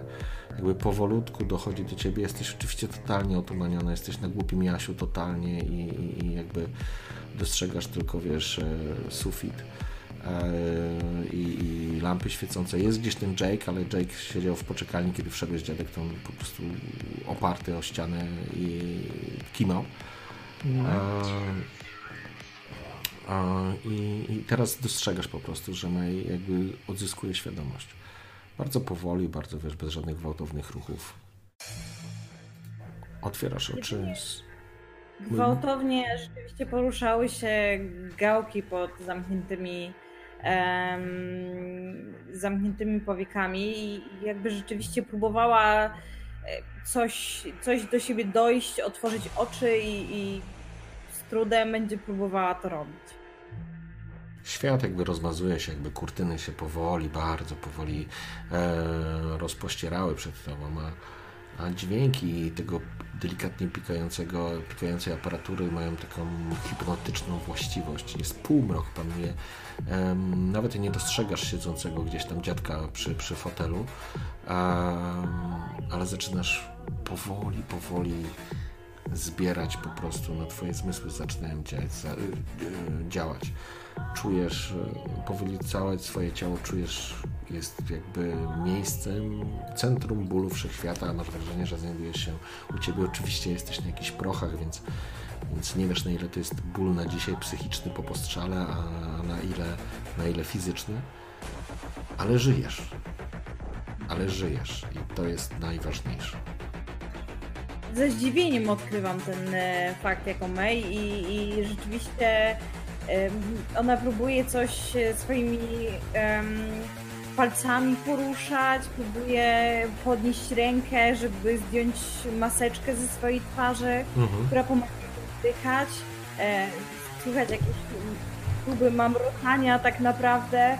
E, i, I wygląda bardziej jakby chciała, nie wiem, odgonić jakąś muchę niż rzeczywiście e, za coś chwycić, ale no te próby e, rzeczywiście z zaciętością e, Więc podnoszę się, żeby broń Boże niczego sobie tam nie zrobiła Mhm. krzywdy żadnej, więc tą rękę opuszczam, mówię spokojnie, najbardziej potrafię, tylko musisz sobie wyobrazić, że dziadek jest po operacjach plastycznych, on nie jest atrakcyjnym facetem, on jest koszmarem doktora Frankensteina. Z jego twarz próbuje być najbardziej sympatyczna jak potrafi, ale te mięśnie twarzy zostały rozerwane w środku. E, i, I raczej ten lekarz okazał się mało skuteczny, więc ta mowa też jest w jakiś sposób taka groteskowa, bym powiedział, ale stara się e, o, oczami i słowem przekazać, żebyś ej, us- uspokój się. Wszystko będzie dobrze. Cieszę się, że się wybudziłaś. Wszyscy o ciebie się bardzo martwią. Byli tutaj, kiedy byłaś operowana. Zostałaś postrzelona, ale już jest wszystko dobrze. Wydobrzejesz nic ci nie będzie. I wiesz, stara się po prostu być najbardziej taki e, empatyczny, jaki potrafi być. No May nie ma zielonego pojęcia, która jest godzina, e, więc ona tak naprawdę e, próbuje powiedzieć Boże, Boże, nie chodzą. Ja nie słucham jej, mówię, tam jest Jack, y, Jake e, w poczekalni, czeka na ciebie. Wszyscy się martwiliśmy.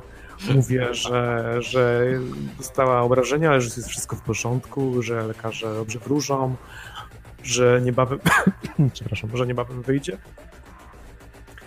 i że wrócimy wszyscy na, na posterunek, że facet został zatrzymany. Trochę opowiadam o śledztwie, tak żeby jakby, wiesz, żeby nie opowiadać o, o tej strzelaninie, która miała miejsce, żeby trauma nie Mhm. wróciła zbyt szybko, e, ale właśnie opowiadać trochę o śledztwie, że zabezpieczyliśmy gościa, że będzie przesłuchiwany zaraz, że wszystko się wyjaśni, że złapiemy tego drania i takie tam. Tak by była cały czas, wiesz, członkiem śledztwa, że, że w żaden sposób e, ta rana ją jakby nie, nie spowalnia ją w ogóle. W porządku. Nie, nie. Bardzo duża suchość jakby w, po, po, po tej operacji w gardle. Trudno ci się oczywiście mówić, coś próbujesz mamrotać, coś przytakiwać, e, ale po chwili tak naprawdę orientujesz się, że jakby masz kłopot z mówieniem, ale możesz, e, wiesz, uruchomić e, klawiaturę, która jest z boku i po prostu zacząć pisać na, na klawiaturze i w ten sposób się komunikować. E, oczywiście mówić możesz, tylko po prostu jesteś ledwo przytomna i dopiero jakby mm, schodzi, zaczynasz wracać do żywych. Pewnie na krótko, niedługo znowu zaśniesz, ale, ale, ale odzyskałaś przytomność i to jest i to jest z pewnością ważna informacja. Spoglądając faktycznie na dziadka, to jego twarz jest taka, taka nienaturalna, jak on jest dosyć tak blisko i jakby spogląda się.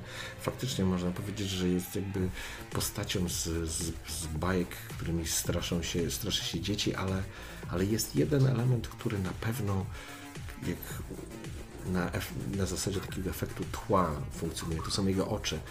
Pomimo tej całej twarzy, tej całej maski, którą ma na sobie, to znaczy maski takiej powiedzmy metaforycznie, te oczy naprawdę wyrażają duży, taki empatyczny ładunek na zasadzie takiego wsparcia. On ci tak widać, że chce cię pocieszyć, utrzymać, wiesz, na, podtrzymać na duchu. Z dużym zaangażowaniem nawet, wiesz, opowiada o tym, co, co się wydarzyło i, i faktycznie po raz pierwszy doszło do ciebie, że, że ci ludzie, którzy też przyszli, bo oni przyszli, tak jak on o tym opowiadał, jak się pojawił Jake, to nie wiedziałaś, czy, czy parskniesz śmiechem, chciałaś parsnąć śmiechem, ale bała się, że po prostu rozerwie ci to, rozerwie ci to na strzępy, więc, więc po prostu mm, tylko tak przyjęłaś, ale, ale sam fakt, że faktycznie ci ludzie przyszli, jest taki budujący, bo to jest to, czego na pewno nigdy nie miałaś, to znaczy nigdy. Od pewnego czasu jakby May w cudzysłowie jest Nie, sierotą, nie? Mo, można śmiało powiedzieć, że, że ona nigdy nie miała tego typu wsparcia. Ona była wychowywana jako no, w, pewnych bardzo określonych oczekiwaniach, więc wsparcie per se nie było. E, Więc ona słuchając o tych wszystkich ludziach, którzy przyszli i, i pokazali, że im zależy, May próbuje gdzieś stłumić wzruszenie. Ona czuje, jak rośnie jej taką po prostu gulą w gardle, żeby tylko nie zacząć płakać, bo, bo, bo ona nie chce płakać, ale ona nawet czuje, że nie chcąc płakać, gdzieś te łzy jej e, ciekną. Stara się natomiast zebrać w sobie i, i skupić się na tej drugiej części opowieści, czyli o śledztwie. Mhm. I, I rzeczywiście o, taką drżącą ręką, która jeszcze podłączona jest do jakiejś e, aparatury, ona rzeczywiście stara się coś tam wyklikać. I ona pyta, jak poszło w hangarze, czy udało się kogoś zatrzymać, czy odebrana została partia Cap Killera. May, przepraszam, ty masz procesor, jak dobrze pamiętam, nie? Masz procesor, masz łącze, więc okej, e, więc nie piszesz absolutnie ręką na żadnej klawiaturze, to oczywiście jest manualna klawiatura dla osób, które nie mają takiej cyborgizacji, ale ty taką masz, więc łączysz się przez chwilę, po chwili i po prostu tak jakbyś wysyłała agentem na wewnętrzny interkom informacje, po prostu ładujesz informacje bezpośrednio na ekran, które się pojawiają, albo możesz bezpośrednio komunikować się ze, ze, ze, z Żanem. To bezpośrednio, Okej. zatem.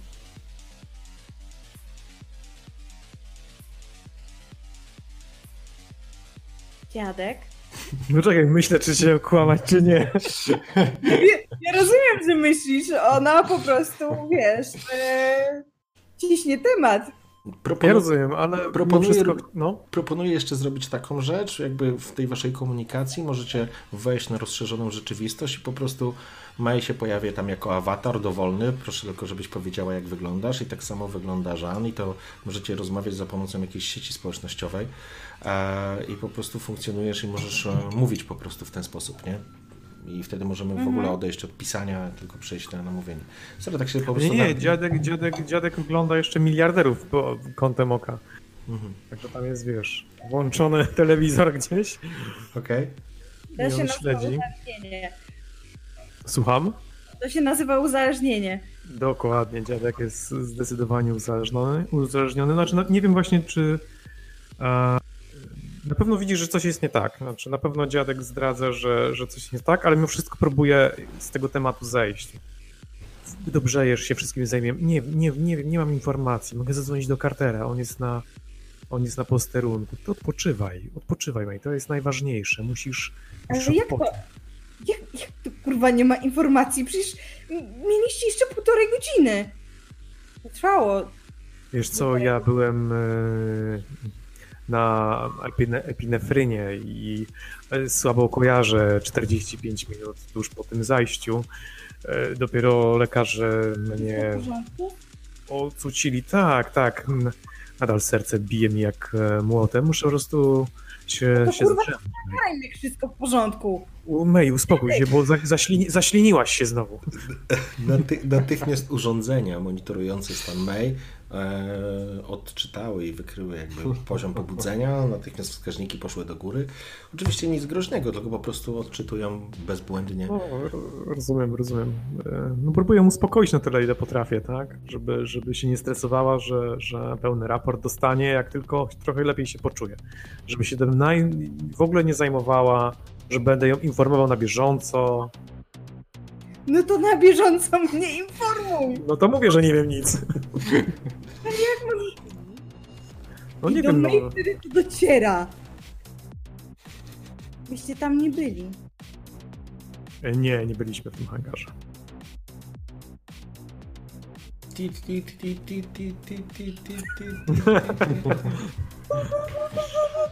Mhm. Jak trzeba, to ja wzywam anestezjologa jakiegoś szybko, żeby ona tutaj nie zeszła. No, to wzywam, wzywam lekarza. W porządku. E, No, widać, że jakby jest poirytowana strasznie tą sytuacją. Znaczy poirytowana, no, no wkurwiona, no, No co tak. tu dużo mówić, nie? Nie no, nie mówię, nie mówię, żeby broń Boże nie stresować jej dodatkowo, nie? Że to pieprznęło. Dowie się w swoim czasie, jak już będzie bezpieczna i ustabilizowana. Mhm. Na własne życzenie oczywiście Maj możesz odblokować e, wszystkie kanały łącznościowe, które łączą cię ze światem, bo teraz jesteś w trybie uśpionym, żeby, wiesz, nie May przeszkadzać. to właśnie robi. Ona, ona przy okazji będzie chciała się skontaktować. moment, moment, moment. Ja, ja mogę je wyłączyć na przykład? Ja się znam na tym. Wiesz co, jest taka procedura lekarska, ale to znaczy za pomocą tego sprzętu, który ty jest z pewnością możesz to zrobić, ale nie masz pojęcia jak to zrobić. Aha, okej. Dobra. Musiałbyś też wiedzieć, że ona to uruchamia w tym Tak. momencie. No nie? No, no, ale zakładam, że jednak dla bezpieczeństwa pacjenta jest raczej to wiedza taka znana, tak? Żeby nie było szoku żadnego czy czegoś takiego. Czy nie ma takiej procedury lekarskiej? Znaczy, e, ona była do, domyślnie ustawiona na wyciszenie z pewnością. No, w takich Mhm. sytuacjach jest, I natomiast pacjent może sam zadecydować o tym, żeby ją to, uruchomić. to jest jej, Okej, no dobra, trudno. To ja biegnę po anestezjologa. w porządku. E, Dziadek, dziadek wychodzi. Wracamy teraz na chwilę jeszcze na posterunek. Carter? Znaczy nie, ja nie mam nic do dodania ponad to, co ustaliliśmy wcześniej. Tak, Carterowi to zajmuje po prostu całą noc, więc możemy spokojnie przywijać dalej. Ja tylko informuję Cartera jeszcze Tak. y, tekstowo, że się wybudziła. Carter, Dostałeś informację? Dostałeś informację od dziadka, czy May... Śpiąca królewna się wybudziła. A, no właśnie, jeszcze po kodzie. Yy, wiesz co? Mm, May dzwonisz? Rozumiem, próbujesz się skontaktować Tak. z Carterem. Okej. E, Carter oczywiście dostrzegasz. I przy okazji pisze Carter! Carter! Jak po prostu wiesz, powtarzając jego imię. Oczywiście, że tak. Eee, no ja dostałem jednak tą informację od dziadka, w związku z czym. Mm, No, odbierasz czy nie odbierasz? Carter! nie, nie odbieram. Nie odbierasz. odbieram. Okej. Wrzucam na, wiesz, na ignorowanie w tym momencie to i, i zajmuję się tymi rzeczami, które, które miałem zrobić. Tak. Dobrze, więc przechodzisz do arkusza numer ZX152 i, i opisujesz teraz e, dokładnie lokalizację wszystkich osób, które bierały to miejsce i tak dalej, e, które brały udział w tym. W tym Na przykład, tak. E, oczywiście znajdujesz lekarza, informujesz, że się wybudziła pacjentka, tak zauważyli, ale jakby jest to standardowa procedura, więc za chwileczkę będzie informacja, ale po Twojej jakby interwencji lekarz idzie z Tobą. No tak, no wspominam, że no, brała udział w strzelaninie, że może nadal być e, pod wpływem szoku i e, ponieważ sytuacja w mieście jest zaogniona, czego nie wyjaśniam, po prostu Mhm. oczekuję e, pomocy, współpracy, żeby no, pacjentka po prostu nie doznała tego szoku i pytam się, czy jest taka możliwość, że w momencie jakichś tam informacji spływających z miasta, bo takowe na pewno będą, no tak domyślam się, że Cap Killer już wszedł, no to zaczynają, zaczną nas po prostu zabijać, i e, no, informuję go, że no, fajnie by było, jakby pacjentka nie miała dostępu do, do mediów. No tak, tylko że to jest jakby to jest decyzja pacjentki z policjantów, Okej. okay. tego prawa, więc e, Dobra, rozumiem. Oni, Mhm. jeżeli to by było zagrożenie wiesz, życia, e, to, to oczywiście oni mogą ją uśpić, ale, ale jakby no, tutaj nie ma takiej sytuacji. Nie, No, zdaje się na wiedzę lekarską oczywiście, tak?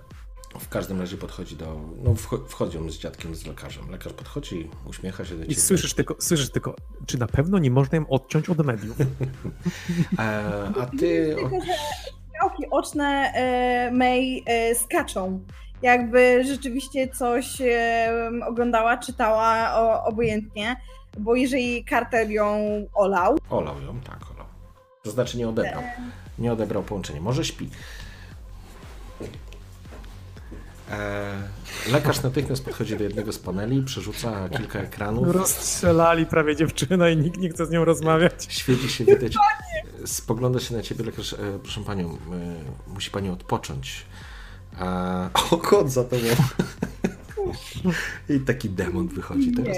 nie, E, nie, E, Tak. serio. powin, niech się pani nie forsuje.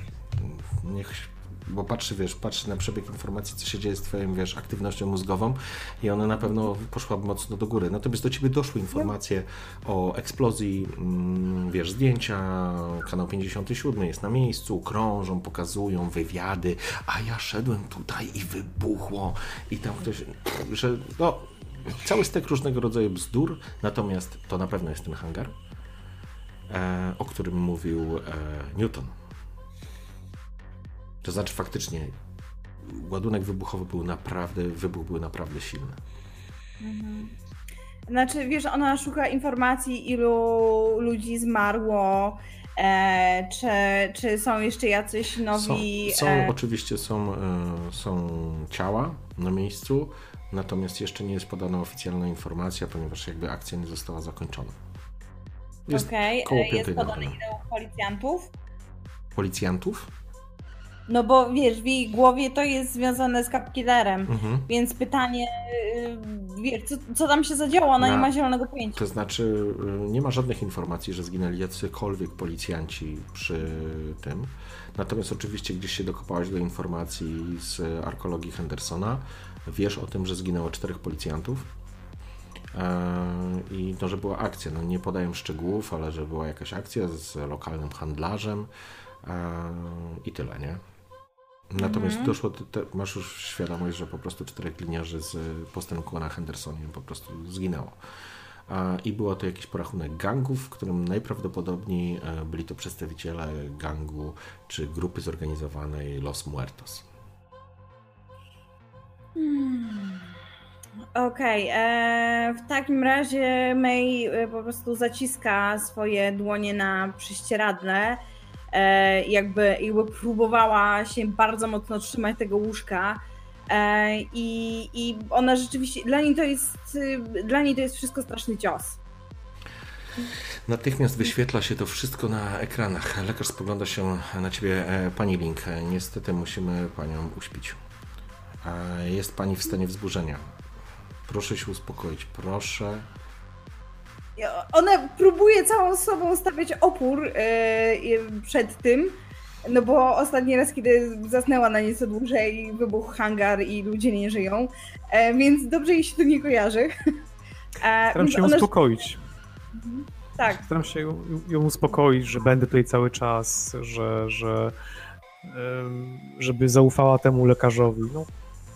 Chyba, że mhm. faktycznie widzę, że to jest panika taka totalna, jak znaczy, ona jest twardą sztuką tak naprawdę i, i, po prostu najchętniej by wstała i poszła już działać, ale, ale to nie jest panika, to ona nie ma stresu pourazowego, wiesz, i nie widzisz przynajmniej takich symptomów. Okay.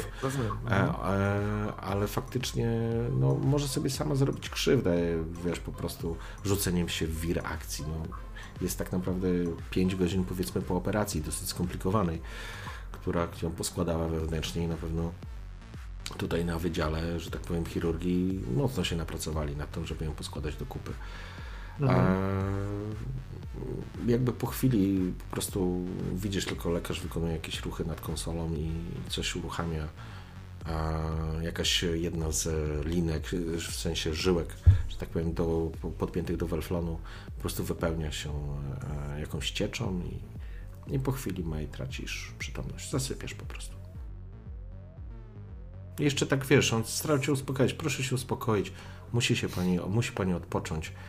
Będzie wszystko w porządku. Dziadek z drugiej strony, jakby jak mantrę ten, a ty widzisz na końcu jeszcze, wiesz, na, z krawkami swojej świadomości, na samym krańcu dostrzegasz ten zignorowany telefon przez Cartera, nie? I, I ona ostatnim takim rzutem świadomości, ona jeszcze próbowała Carter, Carter, odbierz. I, I... I tak. I to akurat też usłyszałeś, e, Żan, bo jakby ona już na, na, na takim haju, to znaczy na, na, na środkach uspokajających po prostu odpływała, usłyszałeś to. Lekarz oczywiście to zignorował. Zobaczył, że jakby wykresy i cyfry wracają do normy, zaczynają się świecić na zielono. Eee, chce pan tu zostać, jak rozumiem, tak? E, pokazuję mu, że mam ze sobą koc. Mam ze sobą koc. Cudownie. Y, jakby co mamy też do dyspozycji tutaj. Ale jakby masz swój ukochany, w, nie wiem, w palemki albo flamingi, jest ok. Dobrze, zostajesz po prostu tam. E, wracamy mhm. jeszcze, mm, Cartero, do ciebie. Jak rozumiem, wypełniasz, e, wypełniasz e, te raporty. Wypełniam jeden dokument więcej. Mhm. Tym dokumentem jest, e, jest rezygnacja ze służby. Swoją rezygnację ze służby, rozumiem. Składasz? Tak, naturalnie. Okej. Okay. Wypełniasz zatem również taki dokument? Nie wysyłam go na razie nigdzie, tylko po prostu ją wypełniam, tak? Kwestia, żeby były przygotowane te dokumenty po prostu. Mhm razem z innymi wszystkimi oficjalnymi rzeczami, które muszę po prostu dopełnić. Nie? Zajmuje pewnie to dużo. Carter generalnie, e, gdyby ktoś stał obok niego i widział go w tym momencie, to widać, że to kilkudniowe zmęczenie zaczyna brać po prostu nad nim e, no taki naprawdę e, kurczę... Mm, brać górę brać górę, tak właśnie. E, on jest e, przepocony, zmęczony. E, gdzieś faktycznie te wory, które miał zarysowane jeszcze przed akcją, to w tym momencie zamieniły się już po prostu w podkowy. Oczy mu nadal błyszczą, ale to tylko dlatego, że po prostu to jest cyborgizacja, którą sobie kiedyś tam mhm. wprowadził, tak? Co jakiś czas spogląda jeszcze gdzieś na tą swoją odznakę, którą miał zawieszoną na, to jest to taka wkładana, nie? Wyciągana na łańcuszku. Jeszcze przez chwilę jakby się coś zastanawiał, tak? Mhm. E, spoglądając gdzieś tam na nią. I oczywiście dalej gdzieś tam pogrążony w tym wszystkim, ostatkami sił, a jako że przez faktycznie kilka dni nie spał, a szprycował się po prostu różnymi rzeczami, e, stara się dokończyć tą ostatnią rzecz, którą chciałby zrobić. Tak, przechodzisz w taki tryb zombie tak naprawdę. Ten poziom takiego Hmm? dokładnie. zmęczenia powoduje, że zaczynasz się wyłączać na, na, na, na wszystko dookoła tak naprawdę. Przestaje cię cokolwiek cieszyć albo martwić. Masz wrażenie, jakbyś był na betatanatynie, na tak zwanej kostucha, to jest na ulicach się na to mówi. Wyłącza właśnie emocje, powoduje, że, że stajemy się nieludzcy. Nie, on nie ma takiego wrażenia. Faktycznie No taki na stoliku w tym momencie, nie, Tak. faktycznie na stoliku leży y, po prostu kilka kapsułek, które wysypało się z pojemnika, e, który leży po prostu jak gdyby nigdy nic na tym e, policyjnym biurku, gdzie on w tym momencie tam zajmuje się tymi dokumentami. Faktycznie, dobry pomysł, może się nałykał czegoś takiego. W porządku. To jeżeli jesteś, masz kostuchę wziąłeś, tak mówią na to,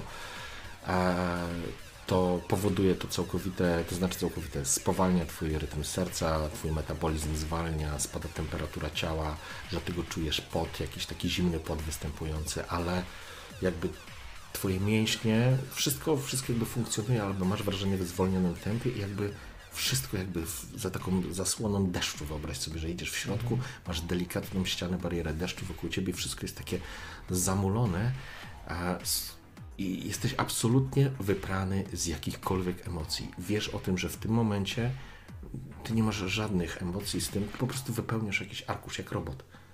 Jak, jak zacytuję ciebie samego, jak mówiłeś to do, do, do, do May, jak pieprzony cyborg, po prostu wypisujesz to, ale w ogóle to ciebie nie rusza. Cokolwiek by się nie działo, nic cię nie rusza. I nagle widzisz, że włącza się alarm.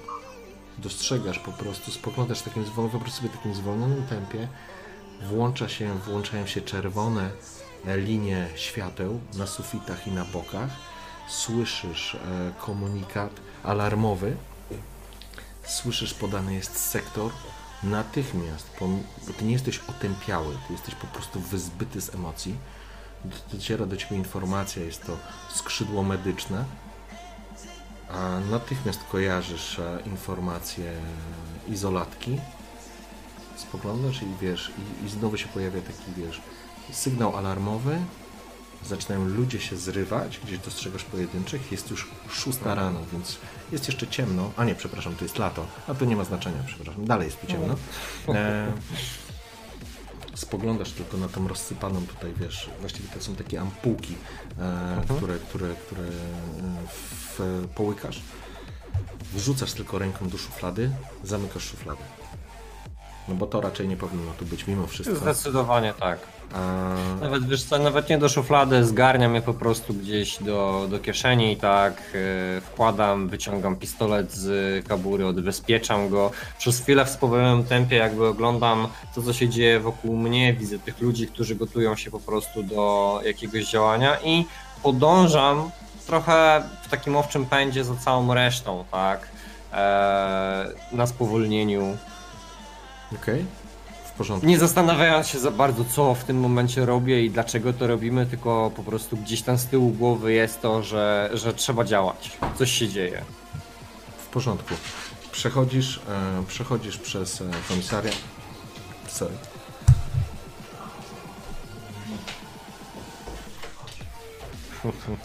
Powrót psa marnotrawnego.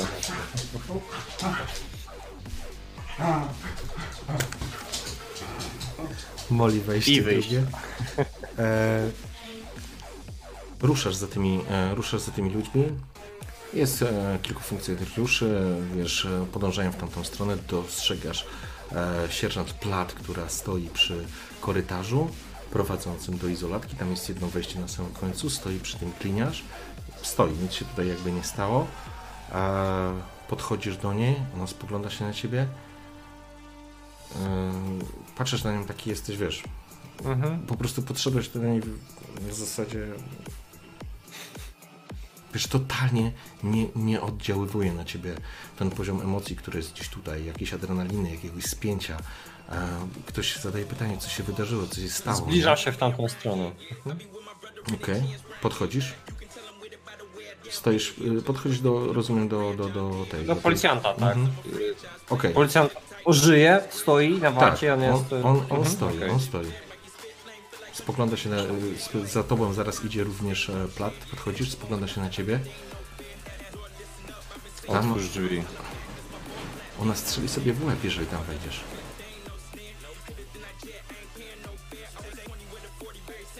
Ona strzeli sobie w łeb.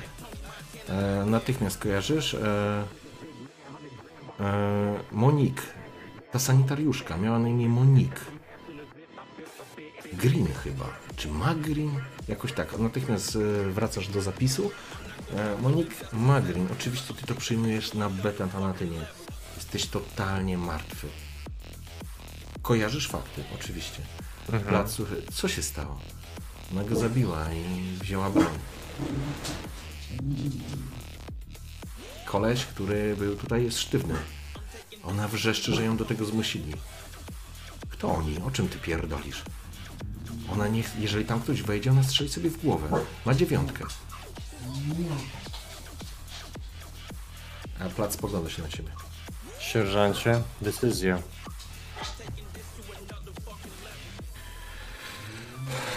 W porządku. Spróbujemy zrobić to na miękko.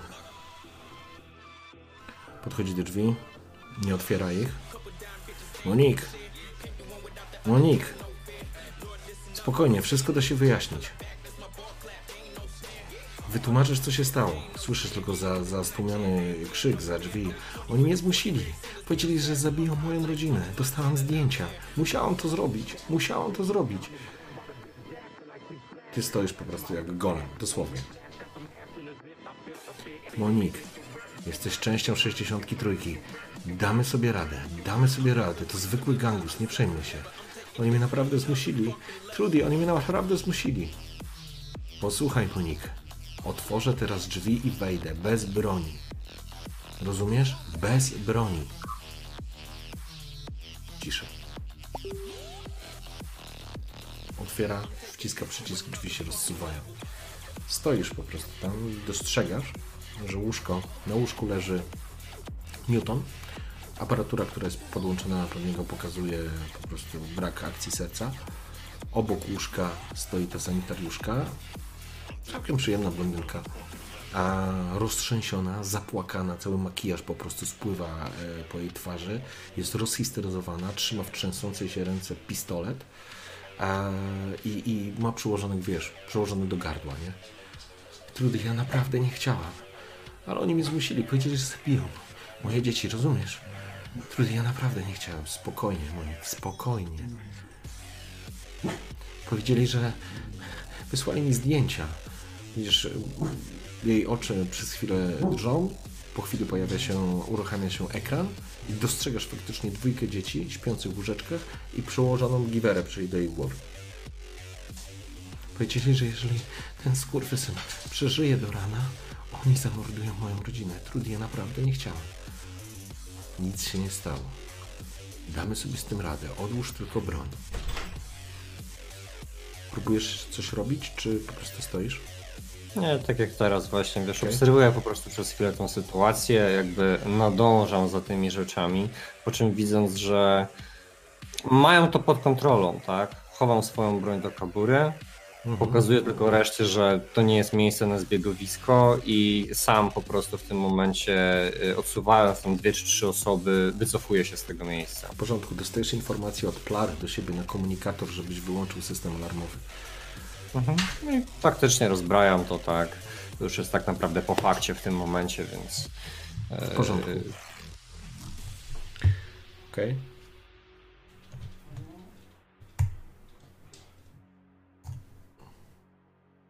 Och, pięknie. Och, fantastyczny rzut. Po pięciu minutach Trudy wychodzi razem z Monique. Jest, tamta jest totalnym wrakiem człowieka, nie? Roztrzęsiona, jest totalnie rozwalona. Wyprowadza ją e, z tego, e, z tej izolatki, każąc zabezpieczyć ten teren, w sensie nikogo tu nie wpuszczać, a, i wychodzi z nią po prostu do jakiegoś pomieszczenia, na przykład socjalnego, czy jakiegokolwiek innego. Dzień jeszcze się właściwie nie skończył, a już się zaczął kolejny i jakby zaczął się znowu od dużego wydarzenia. Po chwili oczywiście dziadek dostajesz taką informację, budzisz się, jest godzina 6.30. Nie będziemy już teraz tego wątku po prostu zaczynać, ale ty siedzisz przykryty swoim kocykiem w palemki czy flamingi czy, czy w krewetki, to nieważne, po prostu sobie siedzisz i dostajesz informację na agenta, wiadomość tekstową, że podejrzany nie żyje. Carter, siedzisz. Zakładam, że. Carter, ostatnia scena zasadniczo z y, Carterem w tej odsłonie to jest w momencie, w którym on podjął decyzję, wyłączył się emocjonalnie za pomocą chemii. W tym momencie y, wypełnił po prostu już wcześniej te dokumenty i wysyła je jednocześnie składając po prostu swoją odznakę oraz y, spluwę e, w, u sierżanta, tak, w tym przypadku, czy w tym momencie Horsta nie, znaczy ani Horsta, ani, ani Rolena nie ma, e, więc u sierżanta, który jest tutaj sztabowcem odpowiedzialnym za organizację pracy, tak, e, mhm. i bez słowa w tym momencie po prostu jak kładzie ten metaliczny dźwięk gdzieś tam jeszcze się po prostu rozbrzmiewa, kiedy plamka ląduje bezpośrednio na e, pulpicie. Jakby skina po prostu jeszcze głową pani sierżant, po czym kieruje się w stronę drzwi. Plat ma, to z pewnością jest plat. Poprawia w tym momencie mhm. po prostu ten swój, wiesz, prochowiec, tak? Już wychodzi oczywiście bez tej całej kamizelki zaniedbanym, rozchełstanym po prostu ubraniu, gdzieś tam faktycznie, nie wiem, jakaś łuna e, pewnie wschodzącego słońca powoli gdzieś zaczyna się e, pojawiać, a on kieruje się po prostu do wyjścia. W porządku. May, ty jeszcze śpisz. Dziadek? May wygląda jak porcelanowa lalka przykryta za dużym prześcieradłem. Ona się wydaje jakaś taka strasznie mała, i, i, i taka drobna i w zasadzie po tej ym, zaciętości nie ma śladu, bo ona jest e, tak e, po prostu e, nafaszerowana wszystkimi dragami, że, że ciężko, żeby cokolwiek pojawiło się na tej twarzy. Po prostu wygląda jak taka laleczka, no. Los się z nią pobawił. Dziadek, otwierasz tylko oczy, jakby starając się zebrać, e, zebrać jakby informacje. Czy chcesz coś co od siebie dodać? Nie no, jakby zdając sobie sprawę, że wszystko to było na nic. Spoglądam na May, która zapłaciła najwięcej i po prostu przez chwilę się zamyślam. Zamyślasz się, pierwsze promienie słońca z trudem przewijają się przez te ciemne, pożółkłe chmury. Słyszysz kroki, drzwi się otwierają. Staje w nich mężczyzna. Niewysoki, powiedziałbym, że nawet niski. Na pewno Azjata. Ma bardzo dokładnie przystrzyżone włosy i bardzo elegancko przystrzyżoną brodę. Ma sobie okulary. Widziałeś takie okulary gdzieś na wystawach bardzo ekskluzywnych sklepów. Ma na sobie nienaganny garnitur i płaszcz, który spada delikatnie do, do ziemi. Świecą się delikatne, jakieś takie elementy rozświetlają się. Mężczyzna jest, mm, jakby jego twarz jest zafrasowana. On wchodzi, podbiega do łóżka, łapie za rękę e, May. May, córeczko, co z tobą się stało? Nie wiem, ja go chciałem powstrzymać oczywiście, to, ale to, pewnie nie zdążyłem. Myślę, że nie zdążyłeś siedząc tak po prostu na tym tym. Dopiero wiesz, dopiero teraz to dostrzegasz, nie? I to jest takie... Na tym zamkniemy scenę.